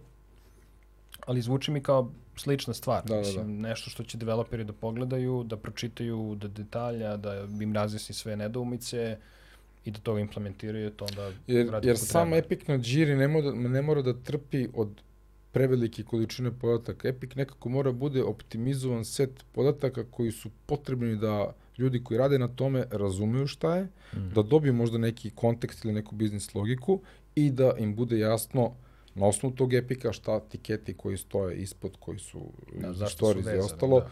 da je to, znači ti kad imaš epic istorije, to je, to je jedan actionable element, da li je to ceo feature, Da. deo feature, šta god. A onda opet na Confluence imaš mnogo širu priču, gde imaš možda i setup baze, kolone, opise, vrednosti, JSON-e, ne znam šta god hoćeš, ono, znači Da, sve, što ono, ide, art, da. background story, nemam pojma šta god, sve tu i to, da, ja tu vidim paralelu između game design dokumenta, da, okej. Uh, jeste, Da, i da. kažem, to je sad samo pitanje, ako je... Okay. Opet da ga držiš da. na Confluence, da u Wordu, na serveru, nebitno, mislim. Da, i mislim igramo da ga da podelimo da pokrijemo neke stavke u GDD, ono uvod fičera, osnovna funkcionalnost, stavimo neko ono kao meta podatke, mislim kažemo ono kad se kad, kad se uključava, koje neki metrike cilje, zašto je pravljen, koji datum, e, to je to. Da, default set da. podataka. Da, ne, nešto stavimo tu osnovno i onda kreneš od početka kako je osnovni sistem, Mhm. ovako radi, evo ga flowchart, ok, ovo će da bude ne znam, desit će se to, to, to i to, tada i tada, evo je clickable prototip da vidiš kako treba funkcioniše flow, popišemo negde, ok, art requirements, ti i ti, uh, uh, localization requirements, ti i ti, pošto jel, lokalizujemo igru na Mhm. 12-13 jezika, tako nešto. ovaj, napišemo onda ispod toga, to smo, zapravo relativno skoro smo počeli to da uvodimo, jeste linkujemo test cases, da QA pogleda dizajn dokument i onda mi linkujemo odmah tu. Da, tako slučaj da neki QA down the line u firmi, neko nov dođe, pogleda, to odmah piše Da, test može da razume, za, za tako je, feature. da. Ovaj, napišemo analitiku, uh, ono, šta je neophodno za feature, koliko sistem, ono, ako je veliki feature imaće brda sistema, brda neke stvari, ako ima neki monetizaciju vezano za to i to je isto opisano tu. Mm. Ovaj, doduše mi gledamo, ako je u pitanju neka standalone monetizacija koja će samo da ide paralelno, to se onda uglavnom radi o nekom drugom dokumentu koji drži svu monetizaciju koju, koju mi, imamo, mi imamo u igri, uh, jer su tu se onda malo prati neke izmene i neke stvari koje smo mi radili u prošlosti, pa kao optimizacija, kao monetizacije. Ovaj, I onda se tu, i, i onda to pošaljemo developerima i onda kao, mislim, to kao pročitaš i skapiraš, često ima dosta više informacija nego što ti treba. Nego što treba, da, da. Da, i onda ako ono što ti fali, ok, uvek kao game designer tu si stand-by, ti si pisao Da. dokument, uvek to možeš da objasniš usmeno i onda ono, testiranje, ako play testiranje, onda kao vidiš, dobiš feedback, možeš nešto promeni, vratiš se nazad, nešto skrepaješ, nešto ovo. I, ovaj, i postoji sa šansa i da tokom play testiranja će se vidjeti da to nešto ne radi kako treba, da motacionalno bio malo, da niste dobro, dobro ideju uhvatili, jeste možda zakomplikovali, prekomplikovali stvari. I generalno kad se radi rapid prototyping, ne treba provoditi puno vremena na GDD-u, zato što, kažem, rapid prototyping, to je cela tako, poenta. Da, što pre da ga Da. izvedeš, da. Bolje je da samo praviš Mm. ono što ti padne na pamet, da uzmeš taj kao holistički pristup, pa sklopimo ove stvari zajedno, damo pred ljudi, damo ljudima u ruke, ok, aj sklopimo ovo, aj sklopimo ovo i onda kad dobiješ nešto što je super, To, to ti je prototip Da. za GDD, faktički. da, da, i onda ovo je sad super, ovo je da ja, e, ok, ovo ćemo sada da Da. dokumentujemo. Opiši ga, da, da. I sada velike igre imaju velike game design dokumente, Mm. Ali kad kažem game design, ne mislim samo kao tekst koji si ti napisao koji objašnjava to, nego i sve informacije, tehničke specifikacije neophodne. Znači, ako tvoja igra ima, ne znam, 20 levela, ti sad potencijalno moraš da definišeš kako, će, kako želiš svaki level da izgleda, da li će da bude dan, noć, da li će da bude šuma, ovo, ono, Mhm. zavisi od igre, a, koji su neprijatelji tu, koji su, koji su questovi, koji su ove, ove, ove stvari. Znači, što je kompleksnija igra, to više stvari je neophodno tu da bi mogao bukvalno developer da otvori, samo da dođe do tog mesta gde radi, da samo onako copy-pasteuje u kod vrednosti i da implementira Da implementira, ono da, što da. ono što treba da uradi nakon što je već nakon što su im već napravili sistem za to, znaš, kao ok, ne znam, o, ovaj level kad implementiraju C1 level, ok, verovatno su negde već implementirali neprijatelji, e, implementirali su negde loot i sada trebaju da popuni level chart, ti si ga efektivno kao game designer ili level designer popunio za njih, da oni samo mogu da Mm. prekopiraju, da ubacuju igru, jer kao ultimativno to nije njihova odgovornost, njihova odgovornost samo je, to da. da radi. A, I potencijalno može se desiti da ako hoćeš da uh, programeri naprave tool, ako misli da, da je to neophodno i onda da level designer to radi sam i onda on dokumentuje i samo implementira. Mi, na primjer, imamo uh, level creation tool, znači naši level designeri prave bez developerske pomoći uh, levele u igri i ubacuju i tu se onda atečuje neki art za taj novi chapter koji treba da ide i, ovaj, i onda to na kraju samo treba se mergeuje. A to je fantastično, da. Da. To je polugotovo, da. Pa Da, da. da, da. Tako da mi ono, efektivno imamo Level editor. level editor. ovaj, I da, to je, to je u principu. To je, da, To je to je jako da. dobro, da, da. Super. Pa dobro, mislim, da, ok, sve to software development, samo što ovde su, postoje ove specifične stvari koje su u principu logične, jer ti da bi opisao neki feature nešto, ti moraš da ga napišeš, mislim, nema tu, da, da ga Da. opišeš realno. Nema, Neko mora da kažeš, da, nekako. Da, da, da, da, da. Znaš, ako praviš hyper casual igre, one najvjerojatnije nemaju GDD, mislim. Da. One mogu da imaju onaj što najobičniju animaciju, da sedneš u After Effects, otvoriš, napraviš animaciju, kažeš napravi mi ovo gameplay, To je to, programer da. kaže može. I Da, onda ti čak ni ne interesuje kako to radi u pozadini. Pa dobro, i kod, kod hyper casuala je jako, Da. on je hyper prototyping faktički, Da. znači to mm, nema tu vremena za, za Da. pedanterije, organizacije i ostalo.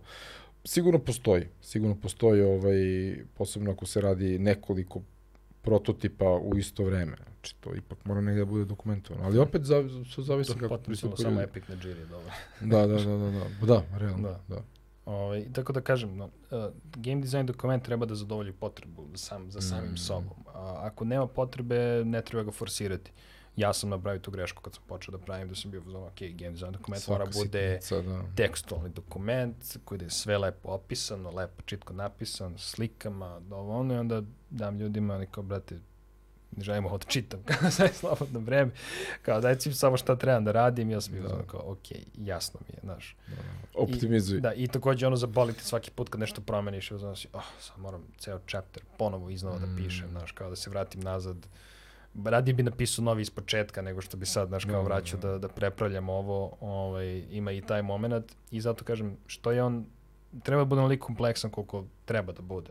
Ko je razuma, Da. razuman dokument da. Da. bude, da. I, i Izvini se, ali pišete na srpskom ili na engleskom? a, pišemo na engleskom. Da, to to. Ovaj, čisto zato što ima, imamo neke neki ljudi koji pričaju Da. engleski samo Da. u firmi i onda jednostavno iz solidarnosti, a zapravo možda čak pišem iz navike. Da, da, mislim, ja, Da. ja uvek sve sam na engleskom pisao, jer Da. sam ra- radio sam nekim kompanijama gde jednostavno srpski, uvek, uvek neki direktor, menadžer koji je, nije Mm. iz Srbije, mora da pročita, aminuje, jednostavno, da. Da, da, da. okej, to to.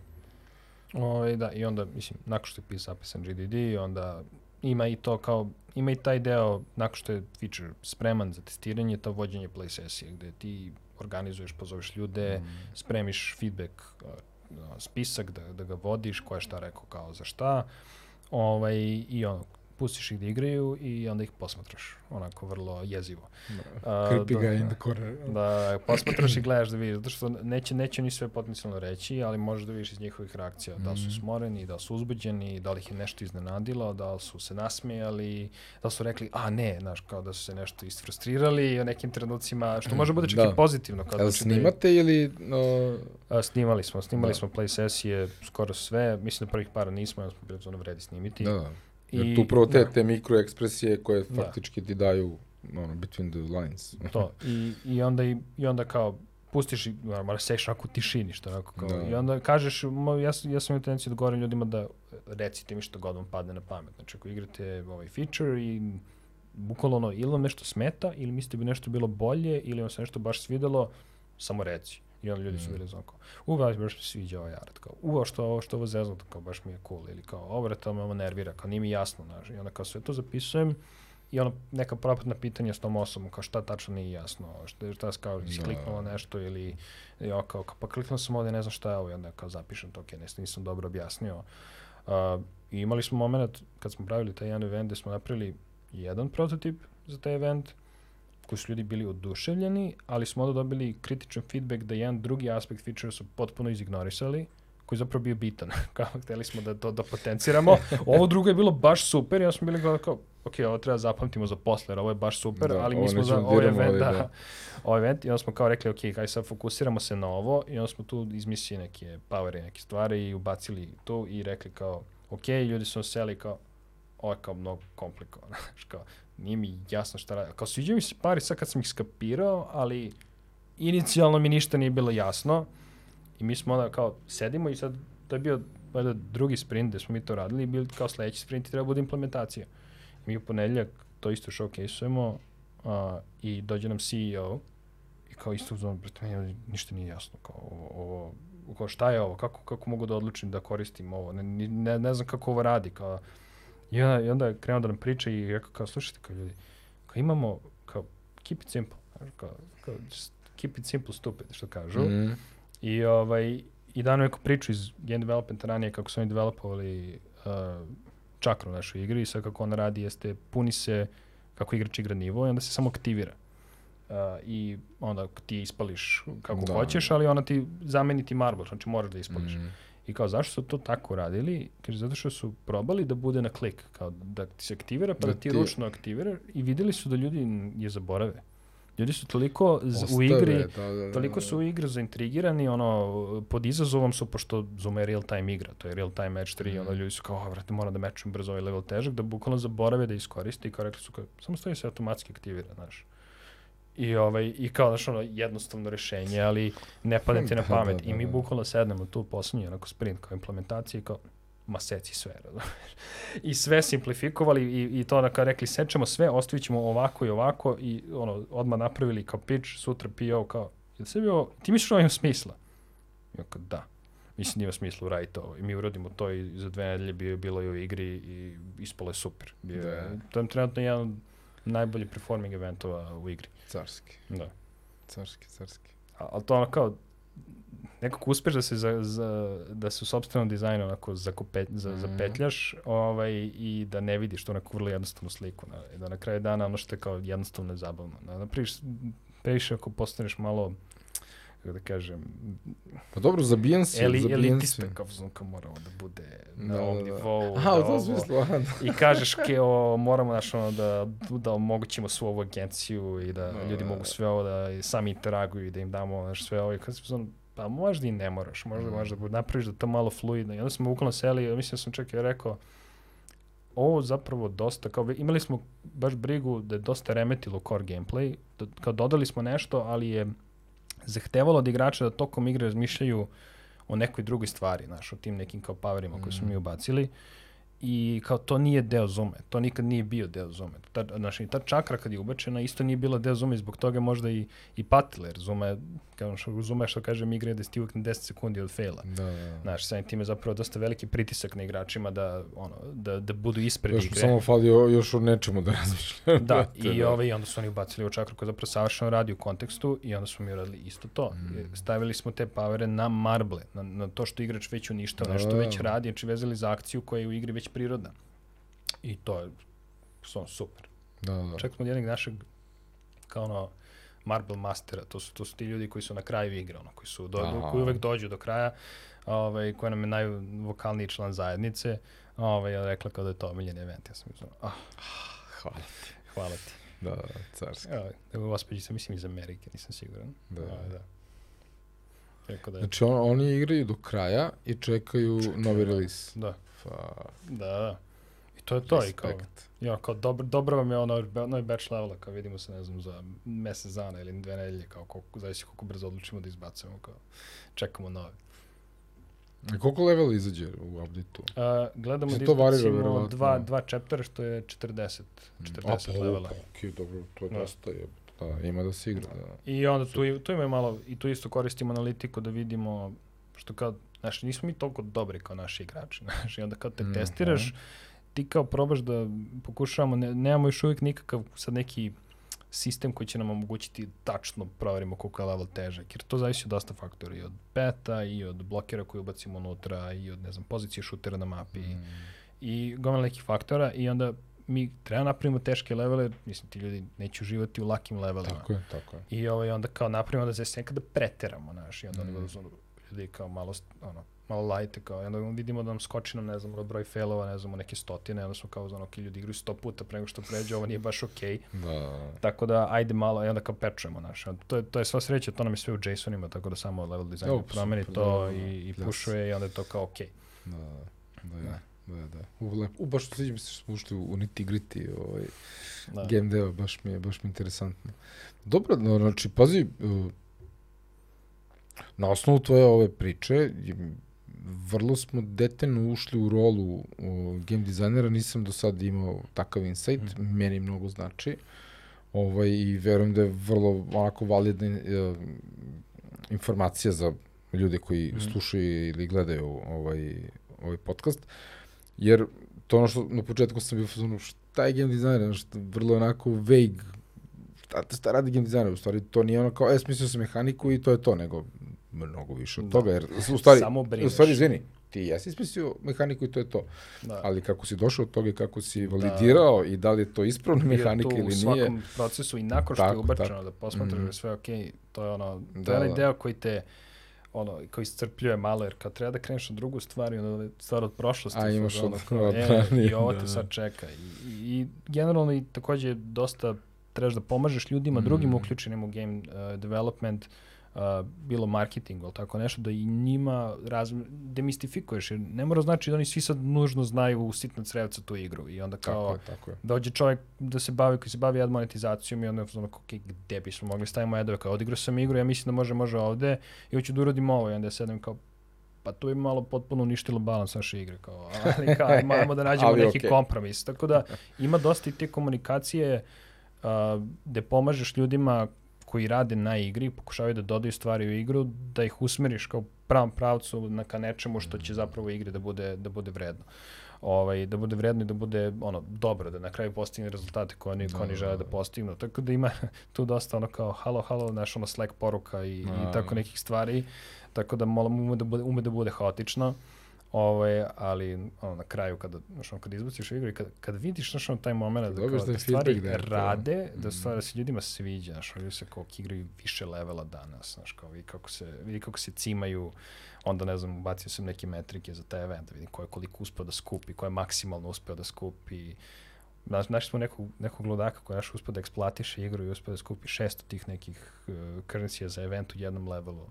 Uspeo da ne izgličuje nekako level, da Aha, da traje okay. za uvek. Imamo level koji potencijalno može da traje za uvek, ako ti odlučiš da traje za uvek i on je u tom level odlučio da, da grinda onako solo, da je uspio skupi šest i nešto ti kuglica, da mora da je uništio, ne znam, ono, 50.000, 100.000 kuglica, razumeš, na tom levelu, znaš, samo yeah. da bi došao od toga i kao, brite, okej, okay, ti je zabavno. Okej, okay, da, da, i cimo se da... kao počeo da igra, vi ste, ono, gledam, ono, level mu je trajao, ne znam, 40 nešto minuta, znaš, kao. Da, da, da, što, samo kao, koko, da, da. Da, mislim, zašto, ko ne znam, ali ima tako, i mi, ja mislim sam ga ono bookmarko je bio ono bog, znaš kao, da, što je mi kao bookmarkovan na njegov. Mislim se ja to je lik, ja, ja bih to radio, da, verovatno. Ja ne volim grind, grind, ali ako grind ima svrhu, mm. grindat ću. Ovaj grind nije toliko svrhu, da, ali da, da, kao, da, okay, okay. ok, ok, možda jeste, ali ne znam, i dalje mi je vrlo diskutabilno, ali znaš kako, ono, ako je to čovjeku ultimativno bilo zabavno... Uspeh. Da. Uspeh. Uspeh. Da, da, da. To, Iako ja to nisam tako dizajnirao i namenio. da, da, da, to je tako. Ljudi će igrati tvoju igru kako god način, mislim. Daleko od toga da bi bila moja igra, ja sam samo došao na nju i onda naučio i krenuo da, krenuo da, da, krenuo da, da, da, da napređujem, da sarađujem s ljudima koji rade na njoj. Nisam je bio, ja sam trenutno jedini uh, game designer, ali nisam bio kad sam došao. Mm Tako da sam ono bilo kolaborativ, kolaborativnog rada, pomaganje drugim dizajnerima, ovaj, volio bi da nas je više, ima dosta obaveza da, da. koje game dizajner radi, ovaj, tako da um, nadam se će nam se jave neki game dizajneri potencijalno. To, to, to, to, to, nice. Ili da, kažem, neki product owneri. Da, kaži mi razlike između product ownera i game dizajnera. Uh, mislim, da. kod, kod vas u vašoj, to da kažem, strukturi. Uh, product owner uh, radi to, da kažem, širu sliku. Uh, više gleda ono, budućnost proizvoda, igre u nekoj... In the long run. Da, da. in the long run. Kao, kom pravcu ćemo sve da preokrenemo, a game designer onda na osnovu te, na tog pravca... mape, da dobije, do, znači ja dobijem na osnovu tog nekog pravca određene metrike, određene stvari koje želim postignemo i onda ja za te specifične stvari pravim rešenja. Mm. Tako da product owner je više ta kao executive uloga, i na kraju ultimativno odgovor na, da, pred da, da. firmu ko, za, za, za smer proizvoda. Ako product owner odluči da ne znam, ukidamo ad monetizaciju, onda je na moj problem da vidim kako da ukinemo ad monetizaciju no. i da i dalje ostanemo, razumeš? da, Soluble. Da, da. I, ili odluči, ne znam, da se... Likvidni. Da se ubacuju interstitial adovi i onda ja moram da odem i da ih nateram da promene svoje mišljenje. to, to, to.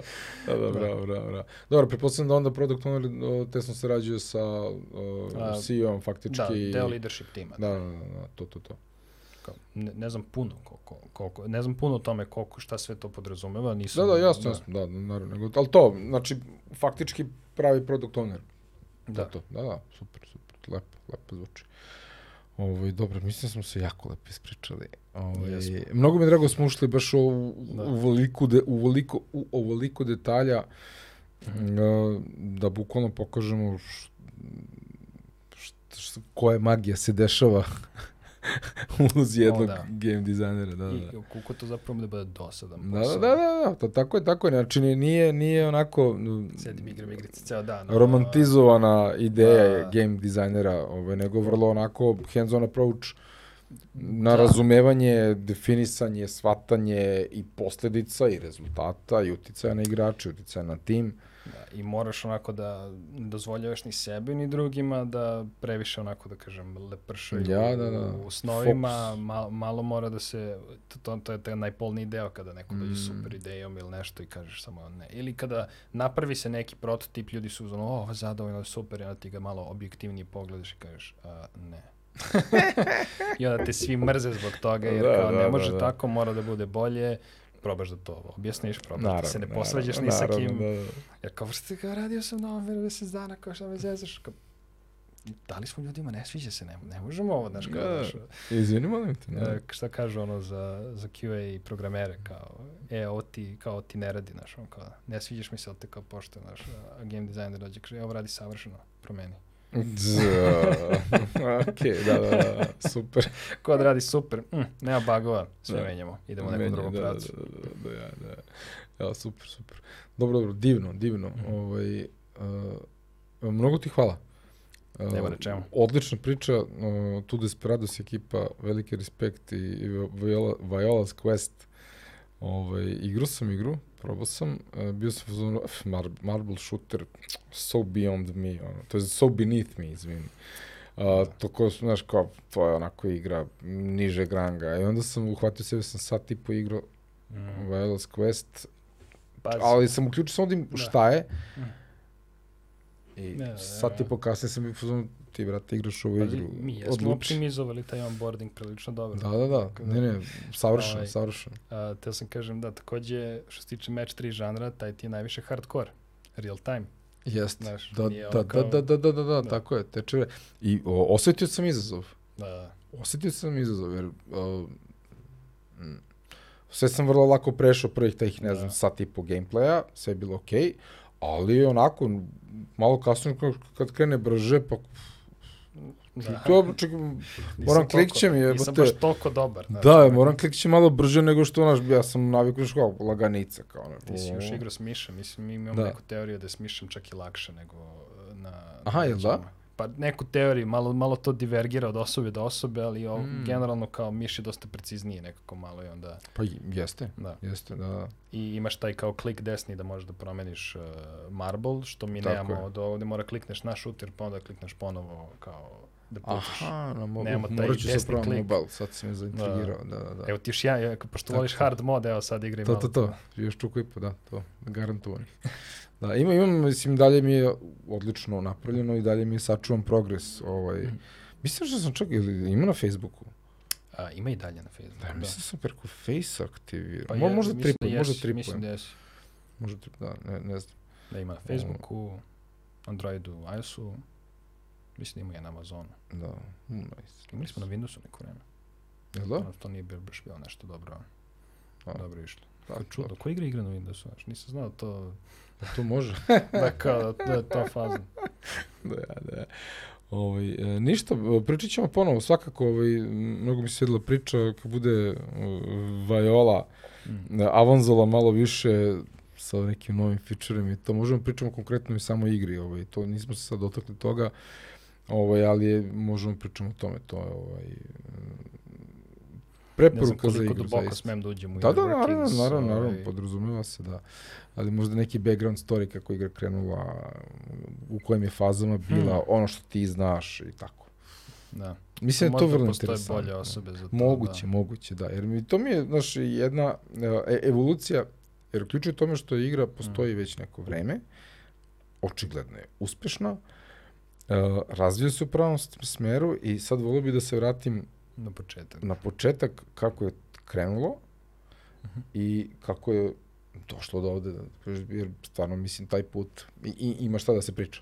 Ja ne znam donekle to neko priča, ali ja nisam zašao nešto previše detalja. No, Ali tu mora da je bilo dosta ovaj, eksperimentisanja i iteracije. jer no, to šta je principu- bila alfa, Da, kako je alfa to je u izgledala. principu naša druga igra, nakon Da. Voke Voke, to je bio kao next step, kao improvement, Mhm. kao treba da bude i u principu jeste, to je, to je Da. flagship igra trenutno što se tiče performansa, ali onako opet kako je, koji je sad sledeći korak, znaš, kao, kako sada da dignemo na sledeći nivo, Da. a, da se dignemo van konkurencije, znaš, ono, da, da, da, mo- da postanemo stvarno eksperti u, Da, da, tom da. polju, ili možda da branch outujemo neke nove, nove žanrove. Gledaj, to, i to je, i to je Da. validno isto. Da, tre, trenutno imamo, to, to proverio sam, sve kažem, Mhm. trenutno imamo jedan projekat koji nije uh, uz ove žanu na kome radimo i koji Aha, bi uskoro cool. trebali da, da lansiramo, da nice. vidimo. Mobile isto, pretpostavljam, da, da, da, da. to to. Nice, nice. Da. Ne, PC AAA, ovaj. First person shooter, ovaj, da. Tako, tako, to, ali jednog to. dana. Ali jednog dana, da. Da. Ba, gledaj, pš, možda i ne treba. Ima ih, brate, toliko, ovaj, Prezasićeno tržište. Jeste, jeste, jeste.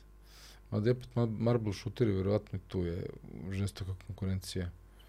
Ne, za sad mi dominiramo, tako da... Jel tako, a? Mm, Stvarno? jesmo. To je, Da, u, ako, nice. m, čuo sam neke metrike, ne znam tačno koliko, ali u principu u, u žanru od svih ovih ostali ima dosta, ali Da. naše igre su naj, najuspešnije. Bravo, Da. bravo. Tako da sad se ono, držimo tu. Osiguravam Da, poziciju. i to. odlično, odlično, ne, Da. ve- veliki respekt.